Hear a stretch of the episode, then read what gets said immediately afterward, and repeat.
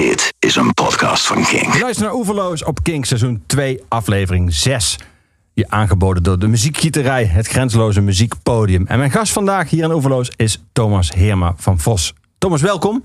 Dankjewel. We gaan het hebben over, en we spraken, spreken naar aanleiding van eh, Condities. Jouw gloednieuwe, nog, hij is nog warm, roman. Daar gaan we het over hebben. We gaan ook muziek draaien. Muziek eh, naar jouw keuze. Muziek die in eh, Condities en ook in eerder werk voor jou een rol speelt. Ehm, even heel kort samengevat. De eh, hoofdpersoon eh, van jouw roman is zelf een schrijver. Hij heeft twee eh, verhalenbundels geschreven die goed zijn ontvangen. En een paar duizend van zijn verkocht, vooral van de tweede. Hij worstelt een beetje met zijn nieuwe boek. En uiteindelijk raadt zijn uitgever hem aan om zijn chronische darmziekte, de ziekte van Crohn heeft hij, en, en ook een, een hele moeilijk behandelbare vorm, om die centraal te stellen. Om de hoofdpersoon van zijn boek een ik-figuur te laten zijn die zelf die ziekte heeft, zodat mensen zich kunnen identificeren met het echte verhaal. En daar is hij aanvankelijk zelf niet zo enthousiast over. En uiteindelijk zwicht hij daar toch voor en gaat hij dat boek schrijven. Heb ik het ongeveer, vind jij het zelf zo grondig samengevat? Ja, dit, eh, dit, dit, dit dekt de lading van de, van de rode draad wel echt. Ja. Ja. Pas net niet op een achterflap, maar het, komt wel, eh, het, komt, het komt wel echt tot de kern. Ja. En het, het argument van zijn uitgever, dat dit is wat mensen graag willen. Een verhaal dat eh, herkenbaar is en ook terug te leiden is tot de schrijver. Door het hele boek heen sluimert het gevoel dat eh, niet alleen de, eh, de hoofdpersoon die uiteindelijk daar dus voor zwicht, maar ook de schrijver van het boek zelf, van condities, daar een soort, nou laat ik het mild zeggen, gemengde gevoelens over heeft dat dat tegenwoordig zo belangrijk is. Klopt dat? Ja, dat klopt. Ik wil wel meteen toevoegen dat het voor de uitgever niet alleen erom te doen is dat het een eh, persoonlijk element heeft. Dus dat het eh, ingezet kan worden bij interviews of iets dergelijks. Maar ook dat hij, als hij een nieuwe selectie van verhalen van deze pack eh, voor zich krijgt, dat, dan heeft hij het gevoel dat er in dat ene verhaal waarin er een buikpijn zit, dat, dat, dat het schrijven van deze pack daar een bepaalde kracht Ja. heeft die in de rest van zijn schrijven ontbreekt. Dus het is niet alleen een mediageniek argument. Het is ook een inhoudelijk argument. En dat tweede argument wil, dat geldt eigenlijk ook voor mij. Dat vond ik ook heel belangrijk om dit te beschrijven. Dus ja, dat gevoel klopt.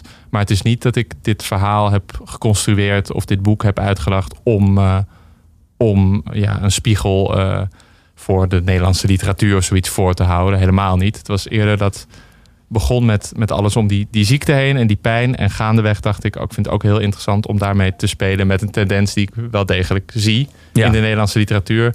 Die er volgens mij is, zonder dat ik daarover essayistisch ga beschouwen of iets dergelijks. Maar ik, wil dat, ik wilde dat in een verhaal verwerken. En het klopt, inderdaad, soms vind ik dat ook heel storend. Ja, dat mensen min of meer nou, ongevraagd allemaal persoonlijk leed uitstorten. En dat, dat, dat soms wordt het dan ook behandeld alsof dat eh, het meest diepe of authentieke is wat er nog geschreven wordt. Nou ja, nu, nu antwoord ik meteen heel uitgebreid. Je vraag was, klopt het? Eh, ja, ja dat, dat klopt of dat deel ik. Ja, maar grappig dat ik eh, inderdaad las dat die uitgever van het boek, dan als, als jouw hoofdpersoon een paar verhalen hem geeft, eigenlijk of dat verhaal het meest aanslaat. Dat hij ook zegt dat het het meest diep gaat en dat dat, dat verhaal is waar hij als schrijver het best uit de verf komt. En ik meteen geneigd was te denken, ja, dat zegt hij alleen maar om hem voor zich te winnen. Hij wil gewoon heel veel boeken verkopen.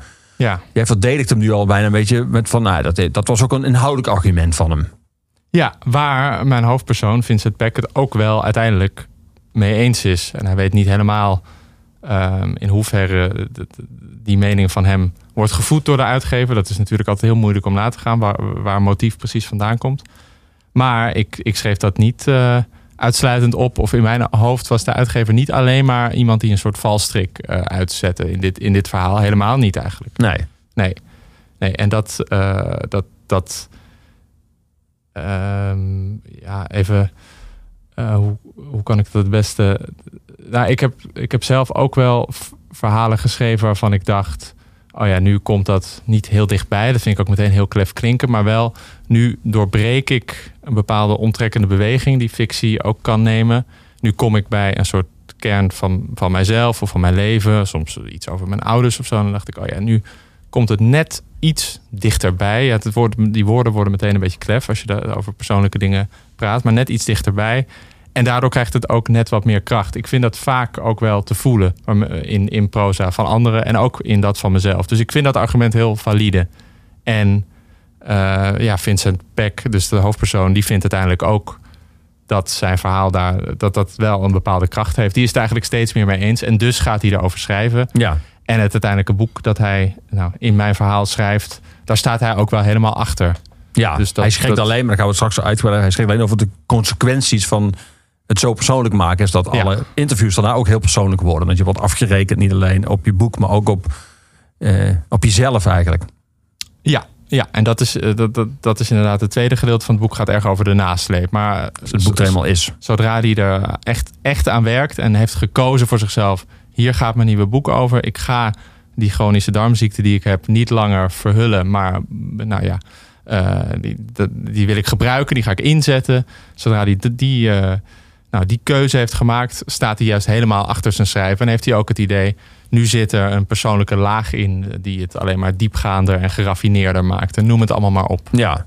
Die Vincent heeft een beetje haast. Zijn, zijn laatste verhalenbundel is inmiddels nog een paar jaar geleden. Zijn vriendin zegt, doe nou even, neem anders de- zo eens een jaartje wat van even time out. Je hebt nu genoeg medische dingen om je zorgen over te maken.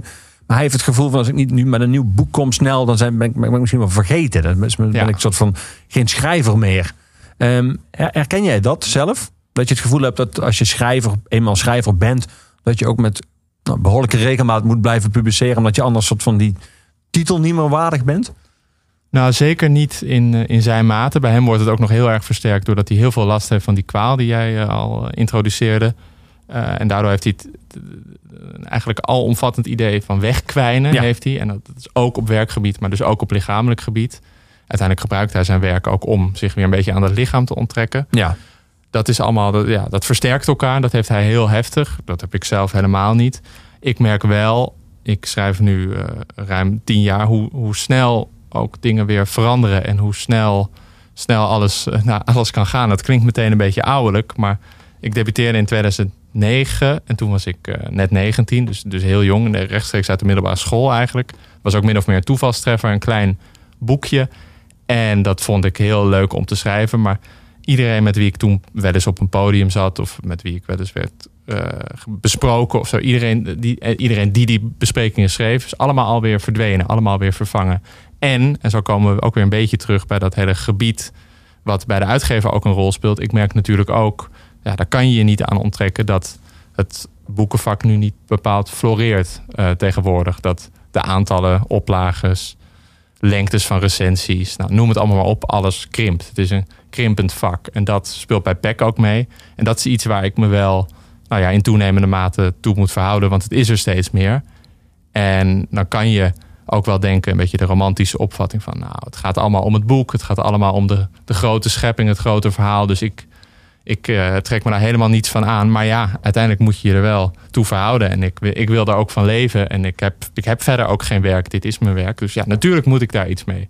Dat zijn wel dingen die me soms veel, soms gelukkig ook heel weinig, maar wel bezighouden. Mhm. En die, ja, die leiden niet direct tot haast, maar wel tot het, tot het idee dat er, wel, dat er wel iets moet. Dat ik ook weer niet eh, achterover kan gaan leunen. Ja. Want die, die hoofdpersoon jou, die Vincent, die, eh, die krijgt op een gegeven moment van zijn uitgever te hoofd. Nou, ja, dat laatste boek van jou, dat is al een paar jaar geleden. Dat zijn mensen inmiddels wel vergeten. Dus dat, maar dat biedt ook een kans. Want je bent nu een soort van die eh, veelbelovende schrijver. Bij wie het feit dat hij veelbelovend is, hem ook niet meer in de weg zit, bij wijze van spreken. Eh, ik kan me voorstellen dat, dat die, die, de opmerking dat als als je boek een paar jaar geleden is verschenen, dat mensen dat inmiddels wel vergeten zijn. Dat dat een schrijver in het hart raakt. Je gaat er eigenlijk vanuit dat dat boek nog nadendert. Dat Ja, dat nog Ja, dat, mensen eh, jou zien en denken, oh, dat is die van dat boek. Ja, van dat boek. Ja. Nou, dat, eh, dat, ja, misschien ben je hooguit die van dat ene boek. Maar eh, zeker niet van alle boeken die je ooit schreef. Ik heb een paar boeken geschreven. Nog niet zoveel. Eh, maar ik merk ook al dat, nou, bijvoorbeeld dat debuut. En dat vind ik verder prima, want dat vind ik ook niet mijn beste werk. Maar dat wordt nooit meer genoemd of gelezen. Dat is, ja, dat is nou, weg. Het staat hooguit nog heel soms in een, in een boekwinkel bij de H in de kast. Maar hoe vaak, hoe vaak kijkt iemand daar nog naar? En natuurlijk krijgt Sta je vaak bij de H of sta je ook als bij de, bij de V? Dat mensen dan niet weten of het bij Herma of, of, of toch bij, bij Vos neerzetten. meestal bij de H. Oké. Ehm, als, ik er, als ik er al sta, of als zo'n boek er al staat. Eh, en natuurlijk krijgt oud werk dan soms alweer wat aandacht als je, als je niet iets nieuws uitbrengt enzovoorts. Maar dat gaat wel heel snel. Ja, mijn laatste boek, dat gaat over muziek. Dat was dus geen roman. Dat is uit 2017 nu. Nou, en dat, dat voelt al ja, eigenlijk anderhalf jaar in mijn hoofd helemaal klaar. En dat is misschien voor zo'n boek ook wel prima. Dat was Maar jouw dat- bundel plaatsvervangers. Ja, Ja, daar gaan we Ja. straks ook nog wel even over hebben. Dat daar refereer je regelmatig aan jouw muziekliefde en ook je muziekliefde voor Ja. hip-hop in, in het bijzonder. Ja, ja, ja, maar dat, dat voelt wel. Ja, dat, dat, er verschijnt gewoon ontzettend veel. En er is ook weer niet zoveel. Zo'n enorm publiek voor al die boeken. Nou, helemaal niet eigenlijk. Dus ja, natuurlijk liggen daar geen stapels meer van in de boekwinkel. En dat heeft wel iets, nou, licht ontluisterend, soms ook ontmoedigends. Maar ja, dat is toch een beetje het speelveld waar je je toe moet verhouden. En, eh, ja, dat, de vergankelijkheid. ja, en, en, en dus maar proberen iets nieuws te maken wat, wat, wat nog beter is of nog net iets langer blijft enzovoort. Dat, uiteindelijk heeft dat in ieder geval de afgelopen jaren bij mij eerder motiverend dan, eh, dan eh, nou, wat is tegen demotiverend eh, gewerkt. Die Vincent die schrijft vaak in de, in de nacht. Hij draait ook muziek terwijl hij terwijl die schrijft. Ehm, wanneer werk jij het liefst? Wanneer schrijf jij? Dat, het dagdeel maakt me niet zoveel uit. Ik schrijf veruit het liefst als ik verder echt heel weinig gepland heb staan. En je zou prag- pragmatisch gezien, als je om, als je om 9 uur s ochtends begint en om 11 uur een afspraak hebt, zou je heel effectief nog twee uur kunnen werken. Maar ik heb vaak een betrekkelijk lange, nou wel opstarttijd nodig en ook wel de ruimte om, om dingen te schrijven die ik meteen weer weggooi en om ook een beetje aan te rommelen. Dus ik schrijf het liefst als ik gewoon lege dagen heb. En dat kan eh, zeker als ik in bijvoorbeeld een eindsprint van deze boek was ik heel vaak tot, tot echt in de nacht bezig. Zeker op bepaalde geconcentreerde periodes. Ik hou dan ook erg van de nacht. Maar dat is niet een soort heilig uurtje dat ik pas vanaf eh 11 uur 's avonds überhaupt iets op papier krijg. Nee. Maar je bent een beetje een diesel. Je moet even op gang komen. Warm Ja, draaien. een beetje. Ja, en ik, ik schrijf ook altijd heel veel versies van verhalen en van zeker van boeken. En dat, dat heeft, het heeft best veel tijd nodig. Dit boek heb ik ook eh, nou, nou, ruim drie jaar, drieënhalf jaar over gedaan. Terwijl de eerste versie na een jaar af was. Dus dat, dat, dat, dat geeft in ieder geval aan dat, dat er veel eh, aan moet gebeuren, ook op detailgebied. En ik kom pas in de, nou, de, de concentratie die ik daarbij nodig heb, die, die wordt pas opgeroepen als ik echt, echt de tijd heb. En niet het idee heb, ik moet straks daar zijn en ik moet nog dit doen. Dus eh, ja, ik schrijf het best met een, een lege agenda. Dan denk ik, ah ja, dit, dit wordt schrijven. Betekent dat ook dat als jij schrijft dat jij een weinig sociaal leven hebt? Ja, niet het, tota- het totale isolement wat je wel eens hoort, maar wel, eh, wel vrij rustig. Eh, en ik hou er dan bijvoorbeeld enorm van, wat ik eh, met enige regelmaat doe, om een tijdje in een huisje te gaan zitten, ergens in, in, een uithoek, waar ik zeker weet dat ik me niet hoef te verhouden tot, eh, tot mijn directe omgeving of tot de stad. Ik woon in de stad. Eh, dat, dan kan ik in twee weken wel eens doen wat ik, eh, wat ik doorgaans in een maand doe of in twee maanden. Dus ja, afzondering en een beetje rust zonder dat ik helemaal een kluizenaar Een word. Maar- slechte, slechte wifi helpt dat ook, of niet? ja, dat helpt zeker. Ja. Ja, hoe vaak ik tussendoor eh, toch even op Twitter kijk naar, naar iets wat Trump heeft geroepen of zo. Ja, dat, eh, dat, dat, dat is veel te vaak.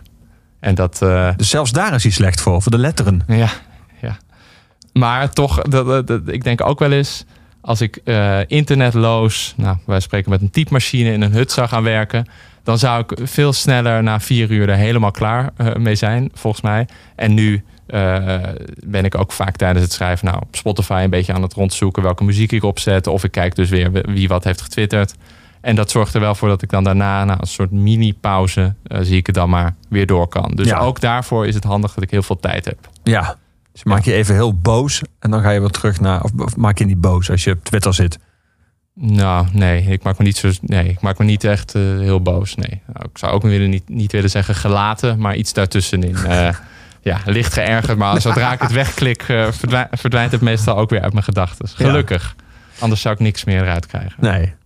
Die Vincent die, die werkt dus s s'nachts. Hij draait ook muziek. En een van de muziekstukken die langskomen in het boek van de componisten... in dit geval is Hans Zimmer. bekend van nou ja, vele, vele soundtracks. Ik denk dat er weinig mensen zo'n stempel hebben gedrukt op eh filmmuziek als hij. Eh, je hebt een nummer uitgezocht eh, van de soundtrack van Interstellar. eh, een paar Ja. jaar geleden, 2014, Day One. Ehm, is de film jou ook dierbaar of vooral de soundtrack? Vooral de soundtrack. Voor mij staan de de muziek van films en films ook vaak echt los van elkaar. Kan elkaar heel erg versterken, maar dat, dat hoeft helemaal niet. Ik luister ook heel vaak naar soundtracks van films die ik helemaal niet heb gezien. En word je nou wel van de muziek nieuwsgierig naar de film of zelfs dat niet meer? Zelfs dat niet echt. Nee, het gaat me dan puur om een, om een, om een bepaald uh, bedwelmend ritme. Dat ik ook heel vaak achter elkaar luister. En Interstellar, toen, toen jij me vroeg voor deze podcast, wist ik als eerste, oh, die, die moet ik afspelen.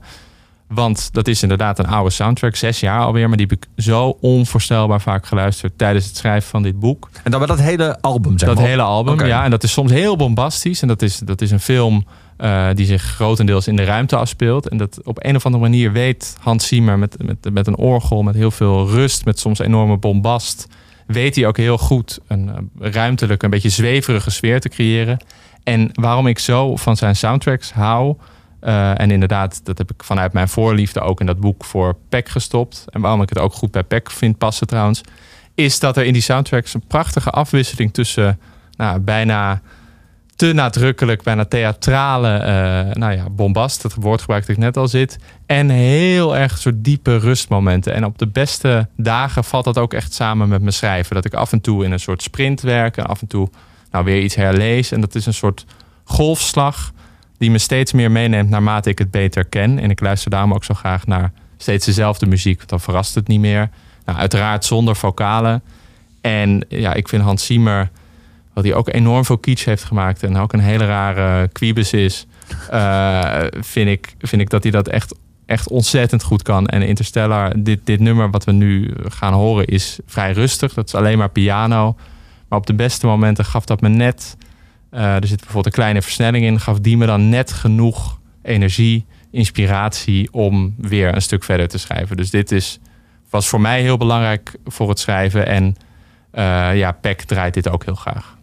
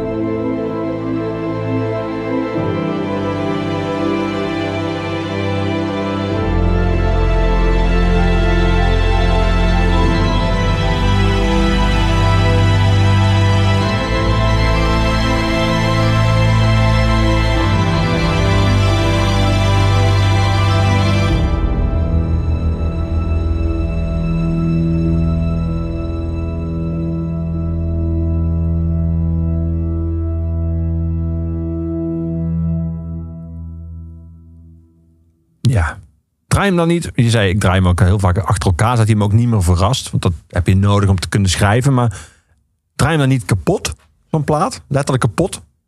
Dat je er bij beha- zelf behang van maakt. Nee, eigenlijk niet. Oké. Nee, nee, want daarvoor eh, is er weer genoeg om, als, het, als, als dat dreigt, om even iets anders te gaan luisteren. En ik, eh, ik heb daar iets in het luisteren van muziek, iets heel nou, eh, monomaans eigenlijk. En ik kan me daar helemaal op storten. Er staan op YouTube niet van deze compositie. Ik heb nu ook wel bewust een iets rustiger gekozen. Eh, staan van een paar Hans Zimmer, nou, nummers, composities. Staan dan ook versies waarin ze al honderd keer achter elkaar zijn geplakt. Dan tien uur durende versies van bijvoorbeeld dit nummer, dat dan steeds achter elkaar gaat. En dan staan er ook bijschriften bij van eh for those really long study sessions of zo. Dus er is wel, er is wel een grote groep, of in ieder geval een groep mensen die, eh, die het met datzelfde idee luistert of vanuit diezelfde behoefte. En voor mij behoudt het daarin ook ja, nog steeds wel een zekere schoonheid. Het is niet wat ik opzet als ik, eh, als ik in de trein zit of als ik, eh, als ik eh, thuis sta te koken of zo. Helemaal niet. Dan, dan past het natuurlijk voor geen meter bij.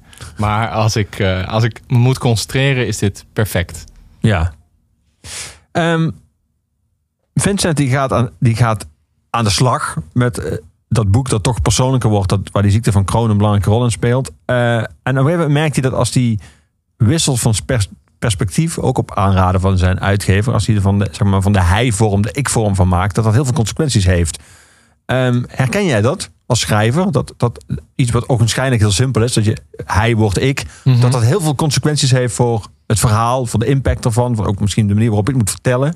Ja, ja dat is eigenlijk voor een, voor, een groot, voor een verhaal, een groot verhaal wil ik zeggen, maar voor ieder verhaal, alles bepalend. Ehm, Want jij zei net, ik- je, maakt ook, je, je schrijft heel veel opnieuw, dus je maakt ook Ja. nieuwe versies van een boek. Heb je wel eens boeken gemaakt waar je die zo drastisch van versie verschilden dat, dat je het perspectief veranderde? Ja, bij dit boek eh, heb ik dat gedaan bij Condities. Dat was eerst geheel in de derde persoon enkelvoud. En dat is eh, nu in het eh, tweede gedeelte van de roman, dus ongeveer een derde, is dat is nu helemaal de ik, Ja. ik-persoon. En dat vind ik behalve een. Dat is een hele belangrijke vraag voor hoe je, hoe je een verhaal vertelt en hoe dichtbij je bij de verteller wil komen. En ook wie daar kijkt, natuurlijk. Dat zijn allemaal belangrijke vragen. En ik vond het voor dit boek nog extra belangrijk, omdat het niet alleen maar over de, over de vorm gaat. Het is niet alleen maar een technische kwestie voor mij.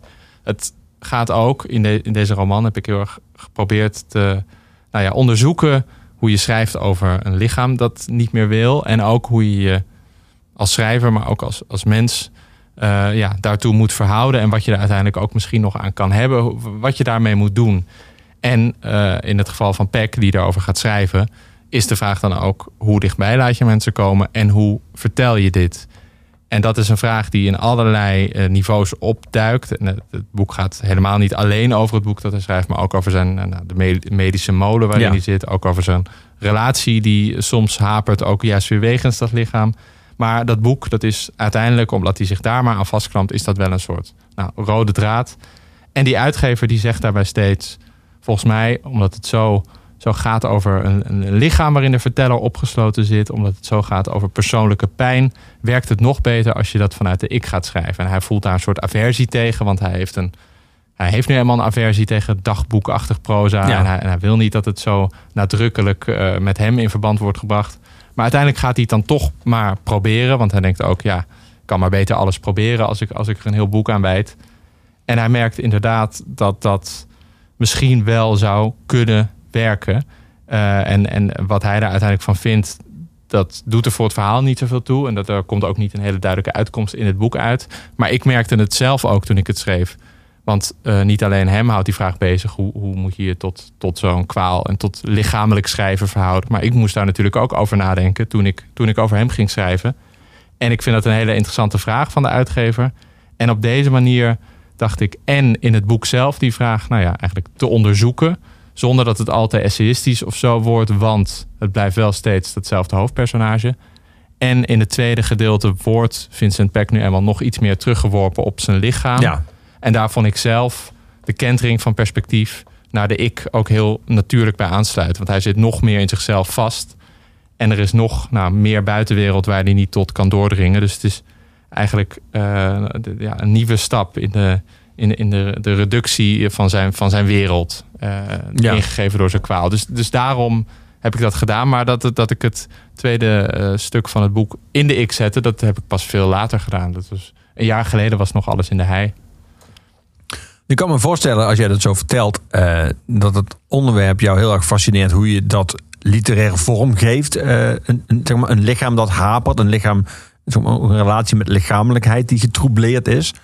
Eh, nu had je daar natuurlijk allerlei, ja, even heel bot gezegd. Je had jouw hoofdpersonage allerlei ziektes kunnen geven. Ja, in dit geval moest dat wel een chronische ziekte zijn. Maar je hebt gekozen voor een ziekte die ook nog een soort van in de beschrijving, eh, dat de ziekte van Crohn is een darmziekte. Het wordt natuurlijk al snel viezig. Het wordt een soort van, het, het wordt ook, eh, je moet ook woorden gebruiken die en associaties die niet per se prettig zijn om te lezen. Natuurlijk nooit zo bij een ziekte, maar in dit geval is het ook een beetje viezig. Dus niet heb je het ook jez- jezelf eh, en hem eh, moeilijker gemaakt. waarom moeilijker? Om, om Omdat het over poep gaat, bijvoorbeeld. Ja, maar eh, is, dat, is dat dan moeilijker voor mij om op te schrijven, bedoel je? Of, of moeilijker omdat ik dan eerder mensen afschrik? Eh, ja. Allebei. Allebei, ja. Nou ja, dat, het, wordt, het, wordt, het is natuurlijk nooit aangenaam, en het hoeft niet aangenaam te zijn, maar om voor- over een ziekte te schrijven en te lezen. Maar in het geval van een, een, een darmziekte is het ook, het wordt heel snel natuurlijk plastisch. Je moet hem, Ja. je moet hem laten zien, je moet, af naar het toilet, moet die heeft geen remsporen heeft. Of er, dat is ook iets anders dan een ziekte waar die bijvoorbeeld alleen maar pijn zou hebben. Dan zou je heel veel moeten, eh, manieren moeten bedenken om die pijn te beschrijven. Maar nu laat je, moet je hem ook laten omschrijven wat die, hoe het eruit ziet. Zeg Ja. maar. Hoe het ruikt en hoe het, eh, of, of andere mensen het kunnen zien. Ja, nou, dat, dat, dat ik voor die, die ziekte heeft gekozen, gekozen eh, er zijn volgens mij twee, eh, twee redenen voor te bedenken. De eerste is dat ik, als ik een verhaal over een lichamelijke kwaal wilde schrijven, wilde ik dat het chronisch was. Want ik wilde dat iemand zich er van dag tot dag toe moest verhouden. En ik heb ook het idee dat er eh, over lineaire ziektes of progressieve ziektes veel sneller, misschien ook wel logisch, wordt ges- eh, geschreven dan over een sudderende, Ja. eindeloze ziekte. En ik vond dat interessant, hoe iemand zich daar dag tot dag moet verhouden. Eh, Omdat het een soort uit, uitzichtloosheid in zich heeft ja, ook. en ook omdat het dan weer iets beter kan gaan en dan weer iets minder. En je gaat het nooit overwinnen. En het is eigenlijk ja, lijden zonder natuurlijk eindpunt. Want het mondt niet uit in de dood. En het mondt ook niet uit in een herstelde fase. Het is er en het Ja. blijft er. En eh, ja, ik, ik heb het boek geschreven. En dan kan ik natuurlijk wel zeggen, het boek de, het staat op zichzelf. En het gaat niet over mij. Maar ik heb ook voor deze kwaal gekozen omdat ik dat ook heb. En daardoor weet ik er een stuk meer van dan van een andere ziekte. En eh, ik merkte ook wel, ook als ik zelf in een ziekenhuis kwam, dat deze hele aandoening ook eigenlijk precies door wat je net zegt, omdat het over darmen gaat. Nou, taboesfeer vind ik misschien wat, wat, wat sterk gezegd, gezegd, maar ja, het is niet iets waar graag over gepraat of geschreven wordt. overheen. Ja. En eh, daardoor dacht ik ook, ja, dit is iets wat heel weinig wordt beschreven. En als er, al, als, er al, als er al twintig boeken over waren, had ik het waarschijnlijk niet gekozen voor mijn hoofdpersoon. Maar nu door de combinatie van, nou, ik weet er nu eenmaal veel van, helaas, maar dat is nu eenmaal, dat is nu eenmaal gegeven in, in, in mijn leven. Eh, en door, het, door de combinatie daarvan en, en door het feit dat het nu eenmaal weinig opduikt in boeken. Nou, een jong iemand met een, met een matig werkend lijf. Dat vond ik allemaal hele interessante ingrediënten om iets mee te doen. ja. Dus daarom koos ik hiervoor. En, en dat ongemak wat jij benoemt, eh, dat, ja, dat begrijp ik ook wel. En dat herken ik ook wel. En dat hoor ik ook wel van mensen die het lezen. Maar dat vind ik eerder een, eh, eerder een plus dan Zeker. een min. Was ook niet, zeker niet bedoeld. Ik, ik vond juist, dat, het moet juist ongemakkelijk zijn. Ja, in ieder geval. Een, ja, ja, ja, ja, niet in ieder geval. Ja, inderdaad. Ja. Het moet ongemakkelijk zijn. Wel interessant wat jij zojuist zei. Je zei als er nou al twintig boeken waren geschreven eh, over de ziekte van corona. natuurlijk niet medische boeken, maar romans waarin dat een rol speelt. Dan had je er misschien anders naar gekeken. Eh, laatst was hier eh Ivo Victoria te gast. Ook een mooi boek geschreven over waarin Alzheimer een belangrijke rol speelt. En die leek in het begin een beetje te denken van, ja, die kreeg een recensies eh, zeer merkwaardige verwijt, terwijl het boek eh, goed ontvangen werd van stond er elke keer als beginzin. Het is natuurlijk geen origineel thema, comma, maar en vervolgens stond er Ja, eigenlijk, dat maar heb ik ook veel boek. gelezen over dat boek. Ja, ja. Weer, een moeder, weer een moeder met Ja. Alzheimer. Weer, weer Alzheimer. Ja. Terwijl, ja, het is gewoon een boek op zichzelf. Dus, zij- zijn, zijn eerste boek, en dan was het zijn vierde boek, dan was het misschien nog steeds. eh, Dan had hij dat weer op een hele andere manier gedaan als die drie boeken daarvoor. Ehm, moet dat meespelen, vind jij? Je zei zelf, als, het nu, als, dit al 20, als er al twintig romans waren waar de ziekte van Crohn had ik er misschien anders over gedacht. Maar dan was dit nog steeds jouw eerste roman geweest waarin die ziekte een rol speelt. Ja, dat hoeft ook zeker niet mee te spelen. Maar het is wel fijn om als je aan iets schrijft, en waarschijnlijk heeft Ivo Victoria dat ook gehad hoor, maar om als je aan iets schrijft, in ieder geval ehm, te denken, nu doe ik iets wat nog niet gedaan is. En als, als er zoveel boeken waren over dit onderwerp, dan had ik me daar in ieder geval toe moeten verhouden. Had ik die uh, hoogstwaarschijnlijk gelezen, had ik willen weten wat mensen erover zeiden. En had ik waarschijnlijk ook eerder bij bepaalde aspecten van, van die kwaal gedacht: oh, dat, dat is al beschreven of dat is al heel goed onderzocht door die.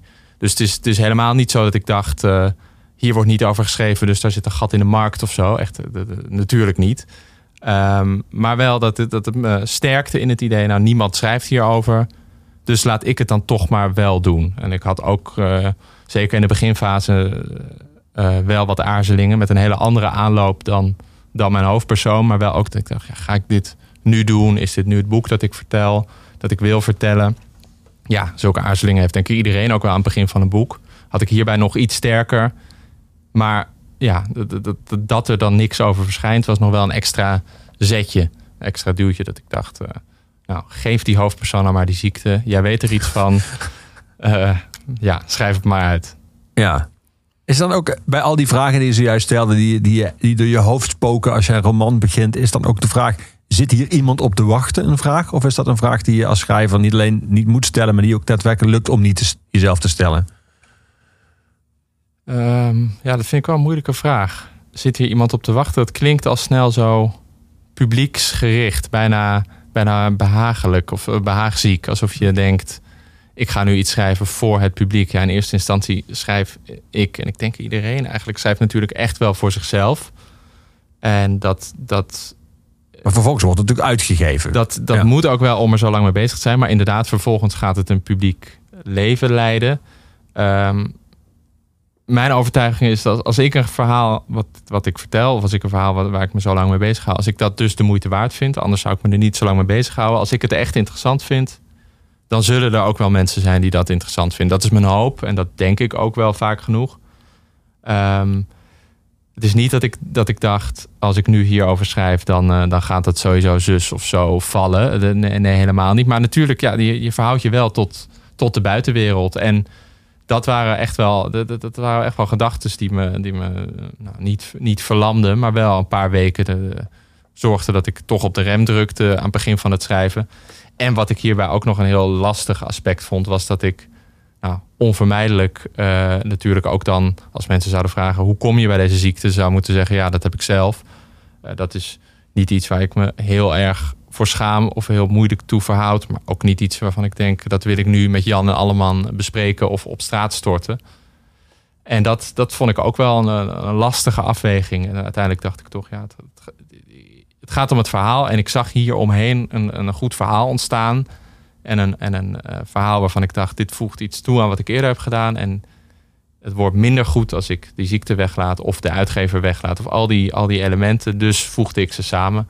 Uh, maar ja, natuurlijk denk ik, dat, denk ik daarbij ook aan hoe het eventueel zal kunnen landen. En, uh, ja, en dus echt ook wel aan wat er verder over geschreven wordt. Ja, ja. Je natuurlijk, ja, je had ook het boek precies kunnen schrijven zoals je nu hebt gedaan. En dus ook de hoofdpersoon uh, die ziekte kunnen geven. En vervolgens op alle persoonlijke vragen over of geen antwoord kunnen geven. Of kunnen zeggen dat doet er niet toe. Of een soort schimmenspel. Dat heeft bijvoorbeeld uh, Doutsenberg destijds gedaan. Die schreef een boek uh, waarin het, het, nierdonor een belangrijke rol speelde. En ging vervolgens een soort misgordijn optrekken over de vraag of hij zelf een nier had gedoneerd of niet. Het gekke is dat dat op een manier toch Terwijl hij natuurlijk op zichzelf alle recht heeft om te zeggen: het boek is het boek. En wat mijn mhm. persoonlijke verhouding, dat doet daar niet toe. Maar op een manier leidt dat nog meer af dan, dan, dan is dat opeens het onderwerp. Ja, ja. Het bij hem, dan, het bij hem was dat inderdaad het onderwerp. Ja. ja. Ik geloof dat hij toen ook op televisie heeft gezegd dat hij inderdaad een nier had afgestaan. En toen daarna toch weer van niet. Dat werd nog een hele, nou, een hele toestand waar ik het fijne ook niet meer van weet. Maar ik weet, als ik aan het boek denk, denk ik hieraan. En niet ja. meer aan het boek zelf. Uh, inderdaad, dat zou je kunnen zeggen. Maar ik vind, nou, dan, liegen vind ik, vind ik een beetje suf als je, het, uh, als je het gaat hebben over iets persoonlijks. Ik had natuurlijk ook uh, kunnen zeggen, als er naar gevraagd wordt, of zou kunnen zeggen: Ja, ik ken iemand die dit, heeft, of da daardoor weet ik ervan. Maar ja, dan krijg je alsnog, alsnog een vervolgvraag: van, uh, van, hoe, zit het dan, hoe zit het dan precies? Of hoe, hoe weet je dat dan? Of waar baseer je dan op? En ja, dan moet je ofwel blijven liegen, of je kan het volgens mij gewoon beter duidelijk maken en, en uitleggen wat je er vervolgens mee hebt geprobeerd te doen. En ik vind het ook, eh, je zou inderdaad ook kunnen zeggen wat jij zegt. Eh, dat is persoonlijk, dus dat gaat niemand iets aan. Maar ja, een boek is nu eenmaal ook heel persoonlijk. En het gaat niet over mij. Het gaat echt over een personage dat, dat een heel ander leven leidt dan ik. En elke, elke scène in het boek is 100% verzonnen.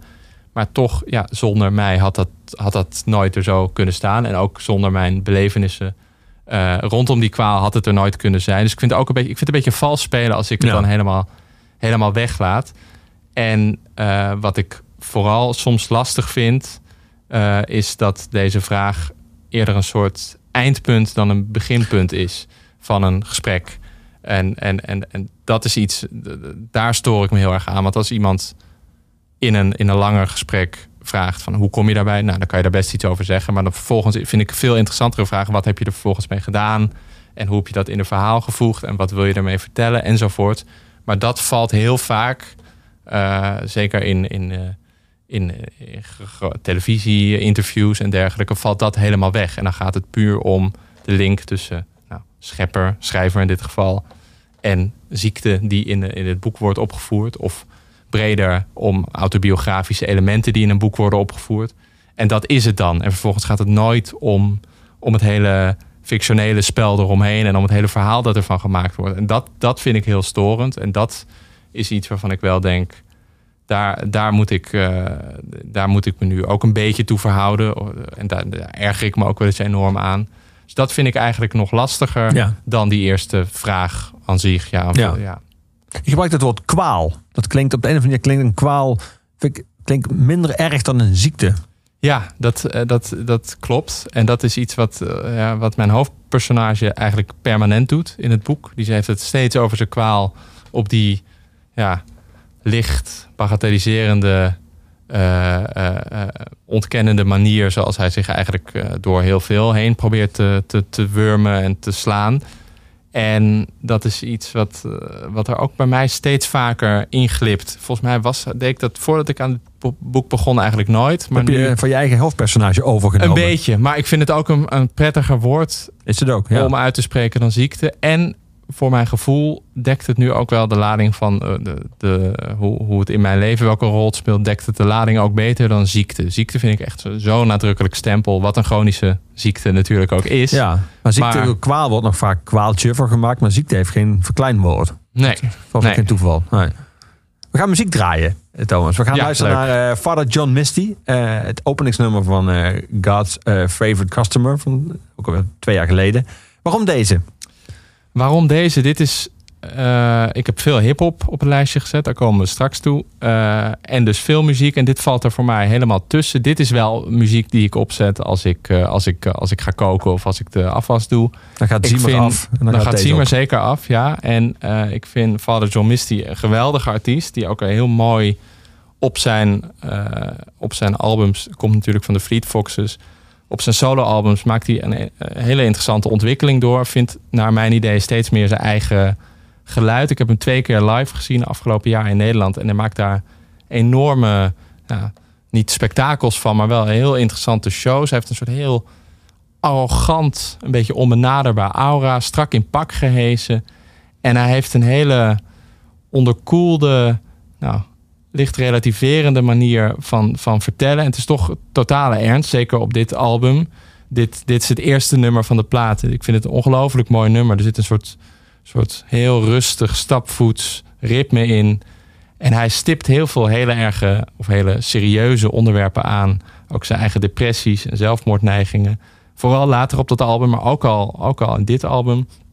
En toch klinkt het nergens zwaar, zwaarmoedig of uh, larmoyant of zo. En ik vind hem daarin uh, heel knap. En dit is, dit is zo'n nummer waar ik, waar ik altijd wel weer even op terugval. Ik word altijd ook wel blij op gekke manier of, of tevreden als ik dit hoor. Ja. Volgde je hem ook al toen hij bij, nog bij Fleet Foxes zat? Of Nee, heb je, nee, nee. Heb je hem eigenlijk solo ontdekt? Solo ontdekt, ja. ja echt via via per toeval. Maar de, ik vind het ja, ontzettend knappe, knappe muziek die, die nu twee jaar na verschijnen. Dat is natuurlijk niet zo lang, maar vaak uh, ben je dan toch iets alweer een beetje... Net zoals met boeken gaat het ook met albums toch weer een beetje vergeten.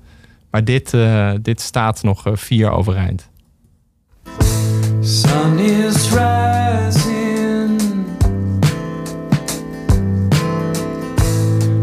is turning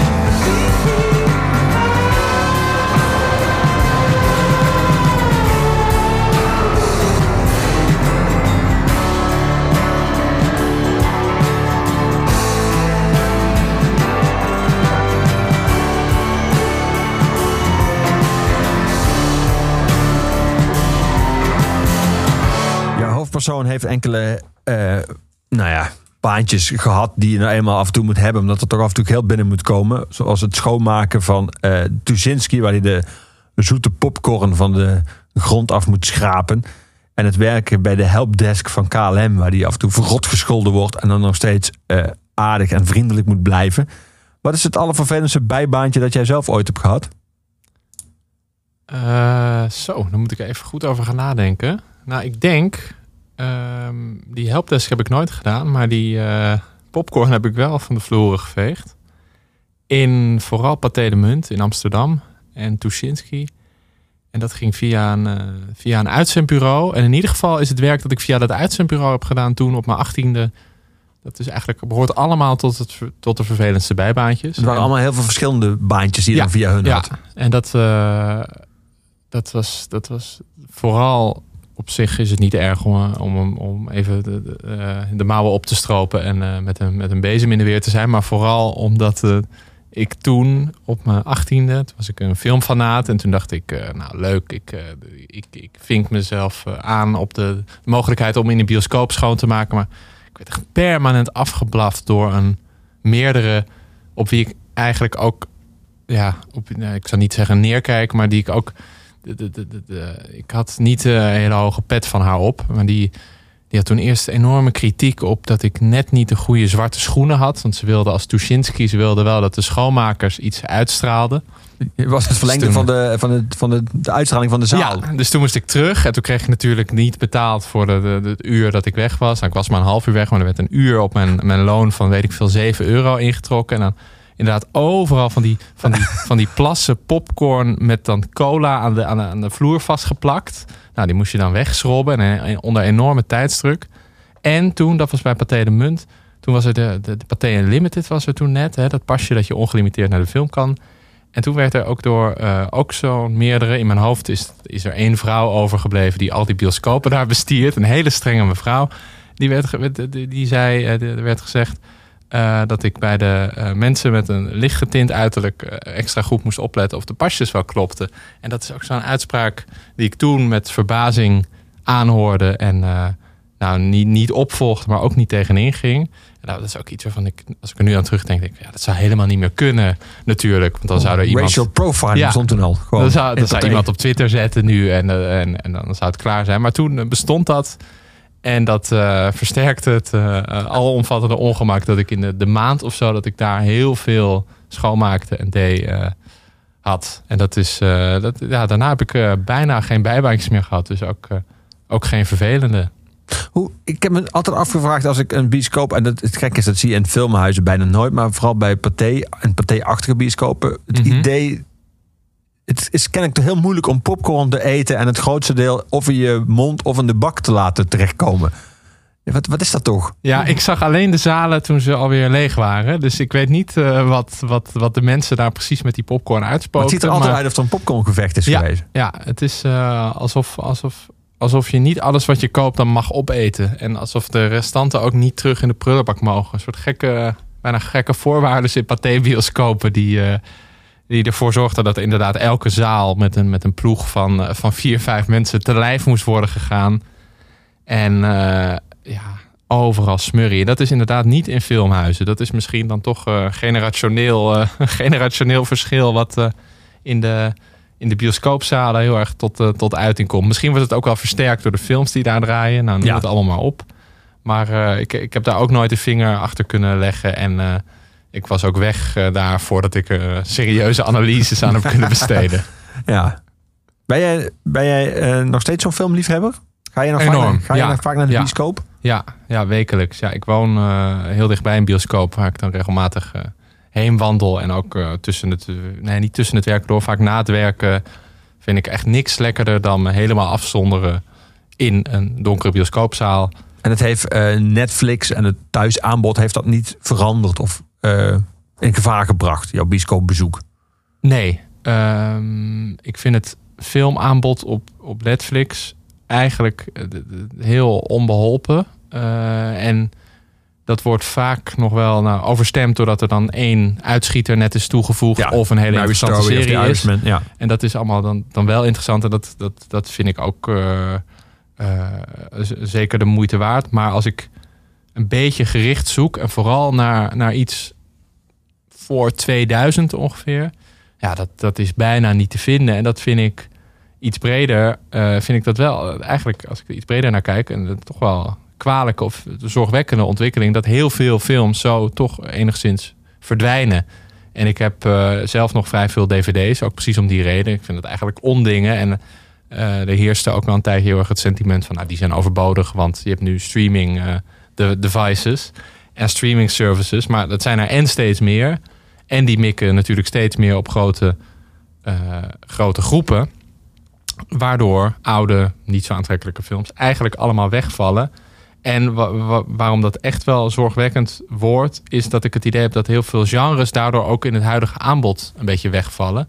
Zoals ik laatst een hele interessante beschouwing over het, de, de klassieke thriller, dus een beetje de donkere, harde actiefilm, een beetje de categorie fugitive bijvoorbeeld Ja. dat die eigenlijk nooit meer wordt gemaakt.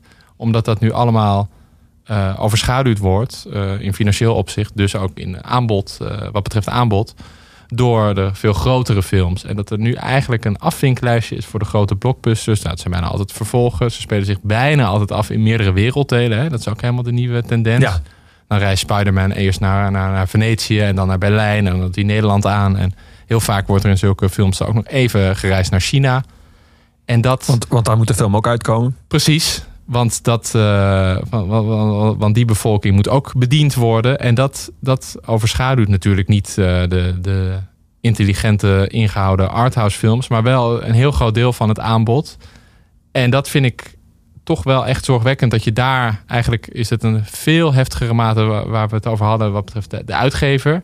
Eh, die, die kijkt wel een beetje in, in het verhaal van Vincent Peck naar wat de markt misschien zou willen en wat misschien kan aanstaan. Maar bij de filmwereld is dat, die gedachte nou, veel verder doorgevoerd. Eh, eh, Dan zie je aan alles dat wat mensen willen. Ja, Eh, en het is ook geen enkele grote film die de bioscoop ooit eh, bereikt zonder dat die uitvoerig op een testpubliek is losgelaten. Dat zou bij jouw roman natuurlijk absurd zijn dat jouw uitgever eerst eens gaat kijken hoe die bevalt bij mensen voordat hij überhaupt overweegt om hem uit te geven.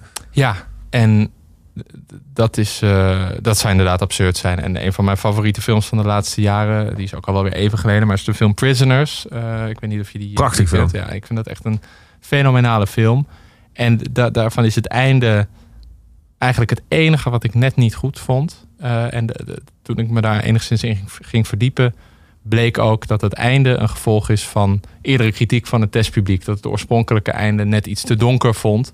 En natuurlijk, als een testpubliek er naar kijkt, dan wordt er een gemiddeld bioscooppubliek genomen. En natuurlijk worden dan de ongemakkelijke, donkere rafelrandjes ervan afgeveld. Ik denk als ik mijn boek aan het testpubliek zou hebben gelezen, dat de darm misschien toch vervangen zou zijn voor een ander orgaan eigenlijk. Eh, ja, wat jij net al zei, dat het misschien dan toch net te ongemakkelijk eh, allemaal zou worden. eh, nog En op het einde had hij waarschijnlijk de ziekte en dan heet dan overwonnen. overwonnen, ja. Ja, dat denk ik ook. Ja, dan was er ineens een medicijn ontdekt. Ja. We gaan muziek draaien. We gaan naar het allereerste concert dat jij ooit zag. Dat was Skunk Nancy op Lowlands met je vader. Ja.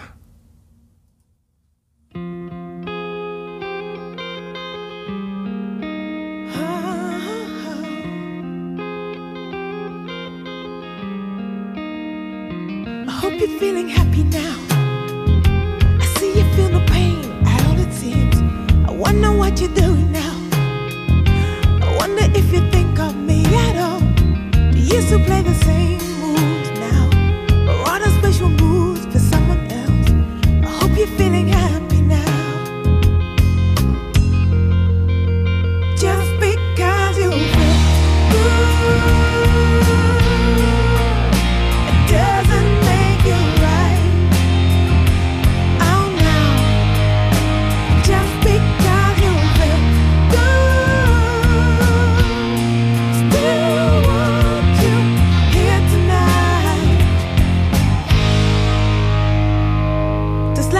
discover you.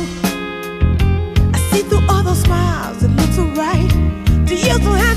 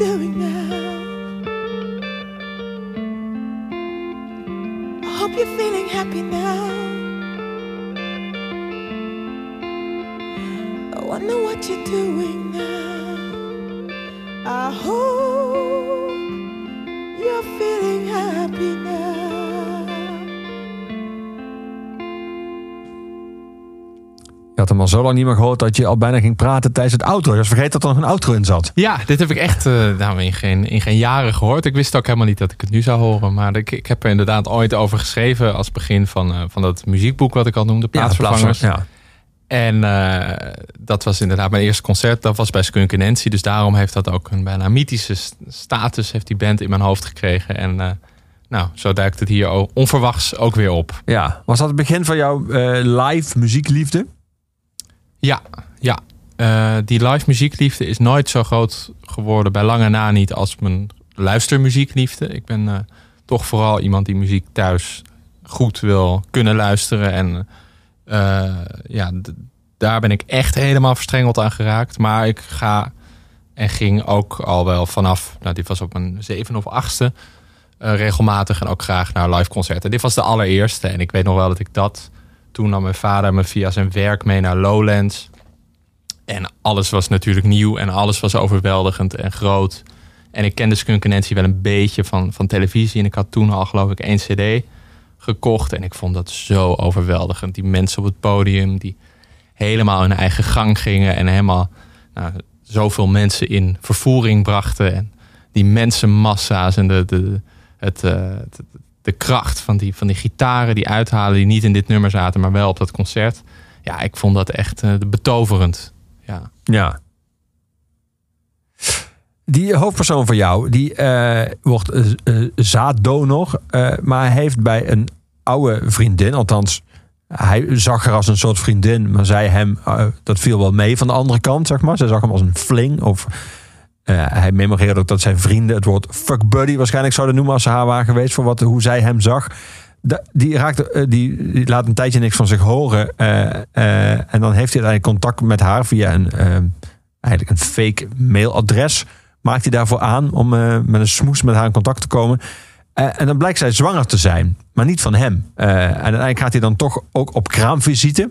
En dan staat eh, de vader, de, de, de biologische vader van het kind, dus de man eigenlijk die hij zou, had kunnen zijn, die staat in de keuken, eh, natuurlijk wat je dan hoort te doen, het beschuit met muisjes te maken.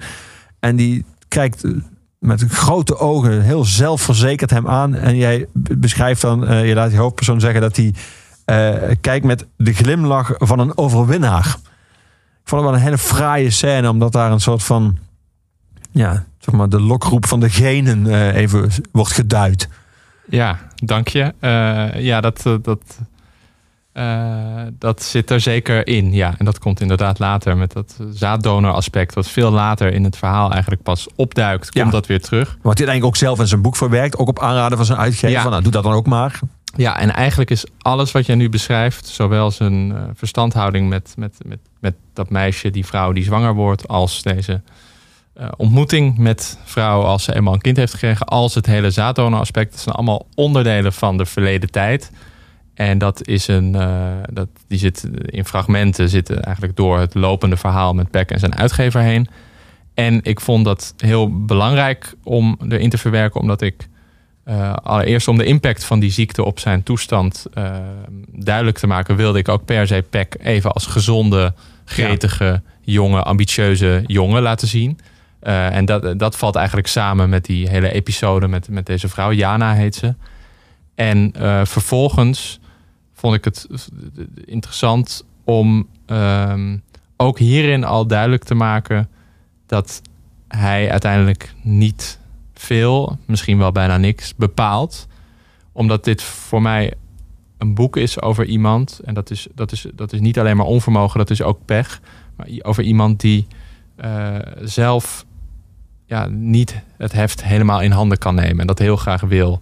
En dat komt natuurlijk heel erg tot uiting in dat lichaam uiteindelijk Ja, dat bepaalt dat het ziek is. Ja, daar, heeft hij, daar kan hij niks aan doen. Dat is, dat is overmacht, dat is, eh, dat, is, dat, is, dat is ongeluk, hoe je het ook noemt. Maar dat, dat, dat het lichaam bepaalt voor hem. En dat duikt natuurlijk nadat hij die diagnose heeft gekregen ook heel vaak op. Het lichaam bepaalt.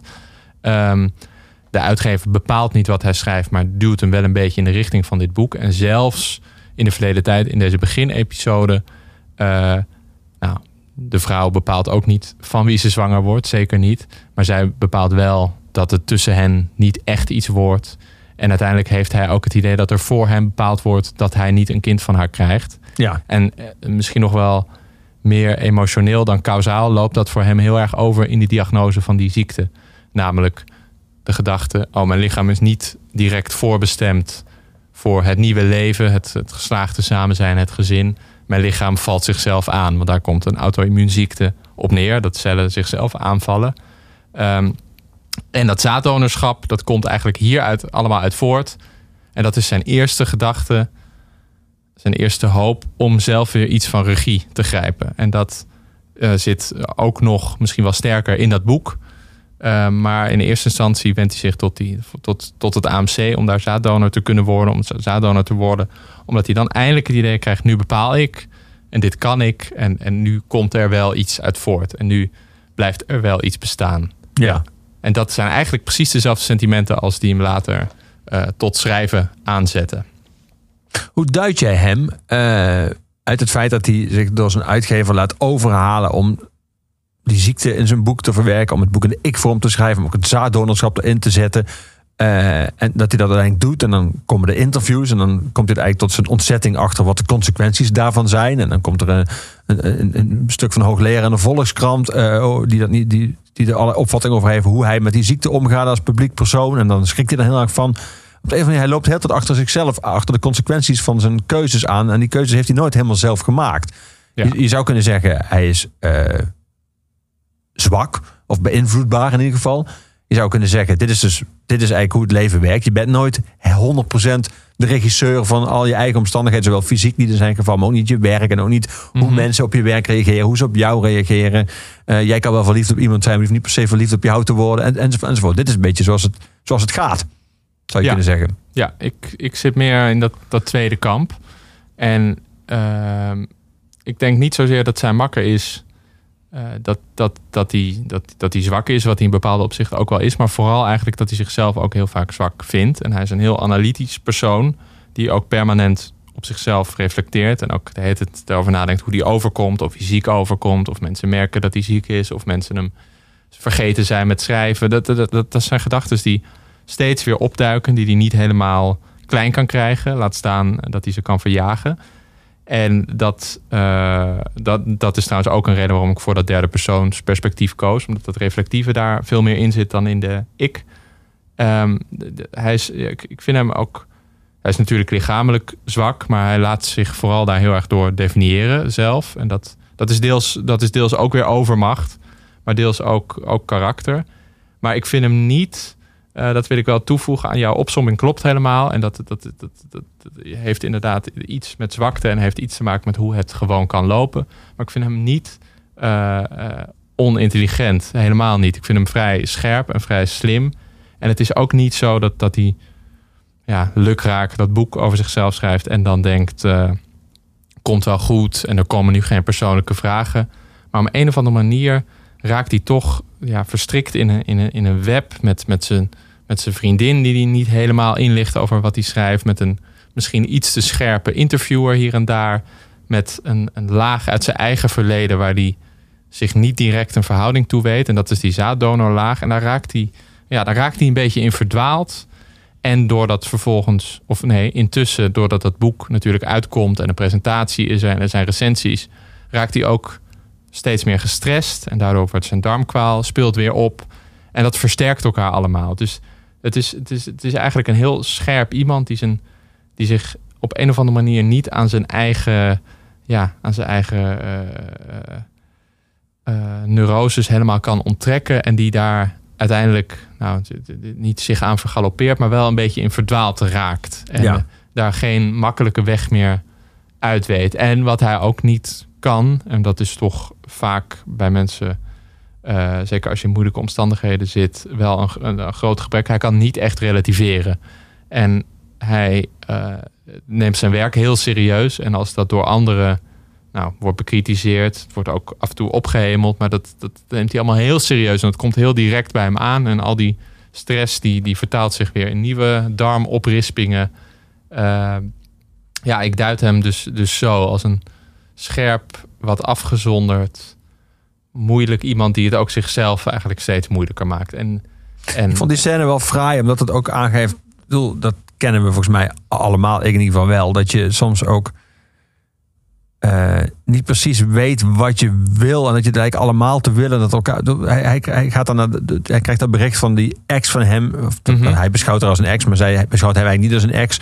Dat ze zwanger is. En dan denkt hij, maar is het, eh, kan het dan van mij zijn? Nee, het is niet van hem. Dat het eigenlijk een opluchting is. Want Ja. het was helemaal niet de bedoeling dat Ja. hij eh, een kind met haar zou krijgen.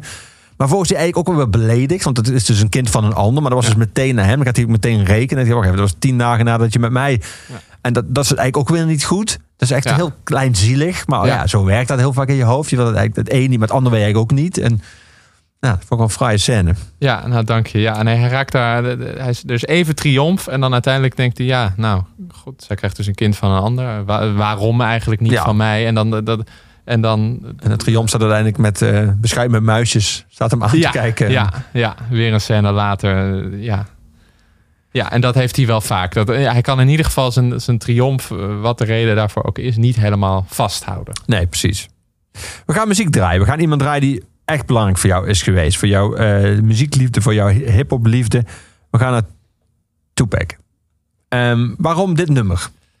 Het nummer Picture Me Rolling hè, had, ik, eh, had, ik, had ik gemaild.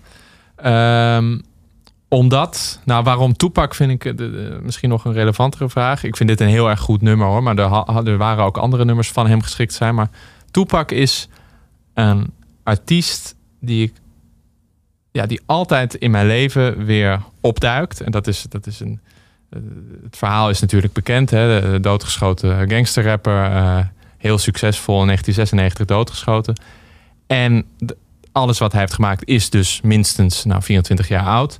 En nog steeds zit er een ongelofelijke kracht in. En dat, dat vind ik echt het woord dat zijn werk het beste samenvat. Het is niet altijd helemaal ge- afgewerkt of eh, goed gepolijst. En er zitten ook wel eens zinnen, stukjes in waarvan je denkt: God, daar had je misschien nog iets langer over na kunnen denken. Maar dat was dan misschien ook wel weer ten koste gegaan van de, van de, van de, ja, de, de onstuimige energie die je in heel veel van zijn werk hoort. En ik werd hier ook, ja, ik, eh, als 7, 8 jaar ging ik dus naar Skunk Nancy. Dat vond ik allemaal betoverend en heel interessant. Maar pas toen ik rap leerde kennen, raakte ik echt helemaal bevangen door een soort muziekvirus. En Tupac was daar wel een, ja, eh, was daar wel de, nou niet de voorman, maar een van de voormannen van. En ik vond het vervolgens ook, ik vond het zo fascinerend, omdat het een wereld was. Alles wat hij, wat hij besprak, wat hij beschreef, waar hij in rondliep. Allemaal werelden die totaal los stonden van de mijne. Ik woonde in een keurig huis in Amsterdam-Zuid. Er gebeurde niet zoveel en dat was ook heel prettig.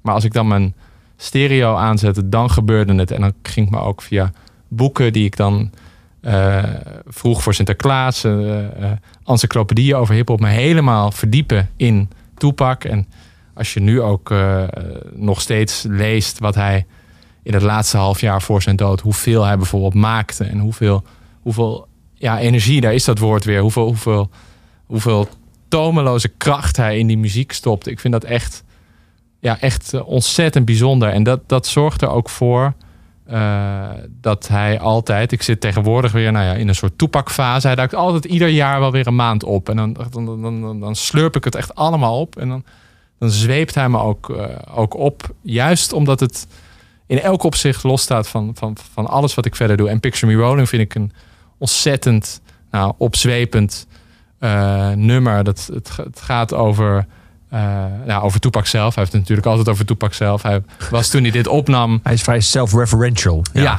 was hij net uit de, uit de gevangenis, waar hij eh, in zijn ogen onterecht zat. Nadat hij ook nog is, maar dat stond er los van, was neergeschoten door vroegere vrienden in zijn ogen. Dus hij was vol woede en vol met een soort drift om te laten zien van hier ben ik. En dat is toch wel wat goede rapmuziek bij mij altijd doet. Dat, dat geeft mij ook het idee van nou, hier ben ik. En eh, dan zet Hoe ik verklaar jij dat hij, want zijn iconische waarde is nog steeds heel erg groot. Er zijn nog steeds heel veel jonge mensen die, eh die generaties ver na hem eh, Ja. zijn opgegroeid.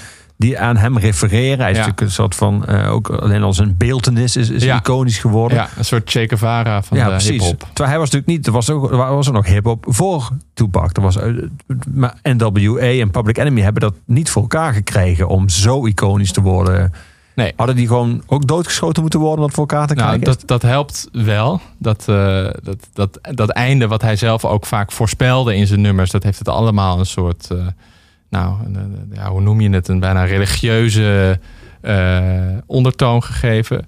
Eh, en het feit dat hij, ehm, ja, het, zat niet alleen maar in die energie, maar het zat ook in de, de ongeremdheid van alles wat hij deed. Namelijk alles wat in hem opkwam, zei hij. En hij heeft ook zoveel nummers gemaakt die elkaar direct tegenspraken. Een liefdesverklaring aan zijn moeder. En dan bij spreken als B-kantje van diezelfde single... een nummer dat hij in een stripclub staat en, en, en dollarbiljetten rondstrooit. Hij zei alles wat in hem opkwam. En hij brak wel uit bepaalde kaders waar hip-hop in vast zat. Hip-hop is natuurlijk begonnen als... Nou, dat is, heeft altijd een tweespalt in hip-hop gezeten. Namelijk enerzijds iets heel onbezorgds, iets, iets vrolijks... eh, dat, dat zat al in de vroegste, vroegste nummers die een beetje disco-achtig waren. En tegelijkertijd ook een enorme maatschappijkritische ondertoon. Die in de jaren 80, eind jaren 80 met Public Enemy en NWA veel meer de overhand kreeg. En vervolgens had je begin jaren 90 ook juist weer een soort gangster variant. En in Tupac kwam, kwam eigenlijk, kwamen allebei die werelden heel erg krachtig samen. En hij was iemand die zowel het opnam voor nou, de, de, de minderheden in de samenleving, voor mensen zoals hij zelf, die eigenlijk buiten de boot vielen.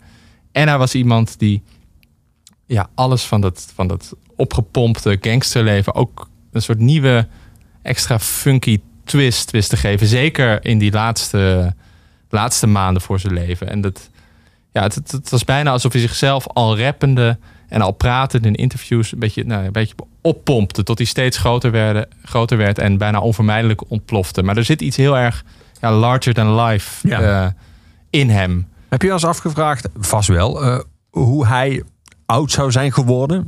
Sommige mensen gaan we natuurlijk nu zien. We zien Ice-T ouder worden. Hoe ziet het hoe verhoudt? Ja. We gaan dat met Jay-Z natuurlijk zien. Maar bij hem gaan we dat nooit weten. Maar hoe heb je daar... Wat denk ja, jij? Hoe zou dat... Dat is, dat is een heel fascinerende, fascinerende gedachte, omdat je natuurlijk heel veel kanten op kan. Dan was überhaupt de meeste muziek die hij nu heeft uitgebracht, was dan nooit verschenen, want de meeste is postuum bewerkt en uitgekomen. Ehm, en ik denk, de, de, de, de, plannen die hij had toen hij doodging, waren dat hij een eigen labeltje zou oprichten. Dat hij weg zou gaan bij het grote label waar hij zat. En dat hij met de Outlaws, zijn groep, heel veel zou doen. En het gekke was, en dat is ook wel op een bepaalde manier wel weer charmant, hoe talentvol Tupac ook was. Hij had een, ook een enorm talent om zich te omringen, juist door het talentloze. Eh, namelijk, die, die hele groep, daar zit helemaal niks tussen van enige waarde. Die doen ook niet mee op dit nummer. Ehm, en ik denk wel eens dat Tupac eigenlijk op zijn piek is overleden. En dat hij anders zich wel nog een paar keer had heruitgevonden zoals dat gaat. En, en ook nog wel goede muziek had gemaakt. Maar dat hij ook met al zijn uiteindelijke ge- ge- geschreeuw en de, de borstvooruithouding en een verzameling niet zo interessante artiesten om zich heen. Ja, zoals zoveel rappers wel was doorgegaan, maar toch wat minder interessant was geworden. Beetje zoals Snoop Dogg nu, waar ik nog steeds wel graag naar luister. Maar als ik het beste van Snoop Dogg wil laten horen, dan, eh, dan daal ik af naar de jaren negentig. Ja, we gaan luisteren naar Tupac. Yes. Yeah. Clear enough for you? All right. yeah. Why niggas look mad? Y'all supposed to be happy on the street. Y'all niggas look like y'all wanted me to stay in jail. oh, busters. Picture me rolling in my 500 bins. I got no love for these niggas. There's no need to be friends. They got me under surveillance. I swear somebody can tell it. No, there's no being sold. But I ain't the one selling. Don't wanna be another number. I got a proper gang of weed to keep them going under. The federalists wanna see me dead. Niggas put prices on my head. Now I got two rock dollars by my bed. I feed them lead. Now I'm released. How will I live? Well, God forgive me for all the dirt a nigga did. To feed kids, one life to live. It's so hard to be positive when niggas shooting at your crib. Mama, I'm still thugging. The world is a war zone. My homies is inmates, and most of them dead grown. Full grown, following your man. Still scheming on ways to put some greed inside the palms of my empty hands. Just picture me rolling. Flossing the beans on rings that isn't stolen. My dreams are sensing, my hopes are born. I'm like a fiend that finally sees all the dope is gone. My nerves is wrecked, heart beating in my head swollen. Thinking of the G's I be holding. Picture me rolling. You see now? Move to the side a little bit so you can get a clear picture. Can you see it? picture me rolling. Yeah, nigga. Hey, but peep how my nigga Psych do it. Guess who's back? I got keys coming from overseas. Cost a nigga 200 G's. I'm a street commando, Nino, for example. This lavish lifestyle is hard to handle, so I got the flaws, cause I'm more like a boss player. Thug bred to be a woman layer. So many player haters imitate a steady swinging. Make me wanna start bang banging. So I'm caught up in the game. Dress code change. Packing 40 glocks to tame or rearrange. All that jealousy and envy coming from my enemies. While I'm sipping on Remain, running back Lexus Chevys on the. The 96 big body sitting no chrome. As we head up out the zone, stone facing his own. You can admire, but don't look too long. I'm living a dream with triple beams in my pockets bulging. It's hard to imagine. Picture me rolling. I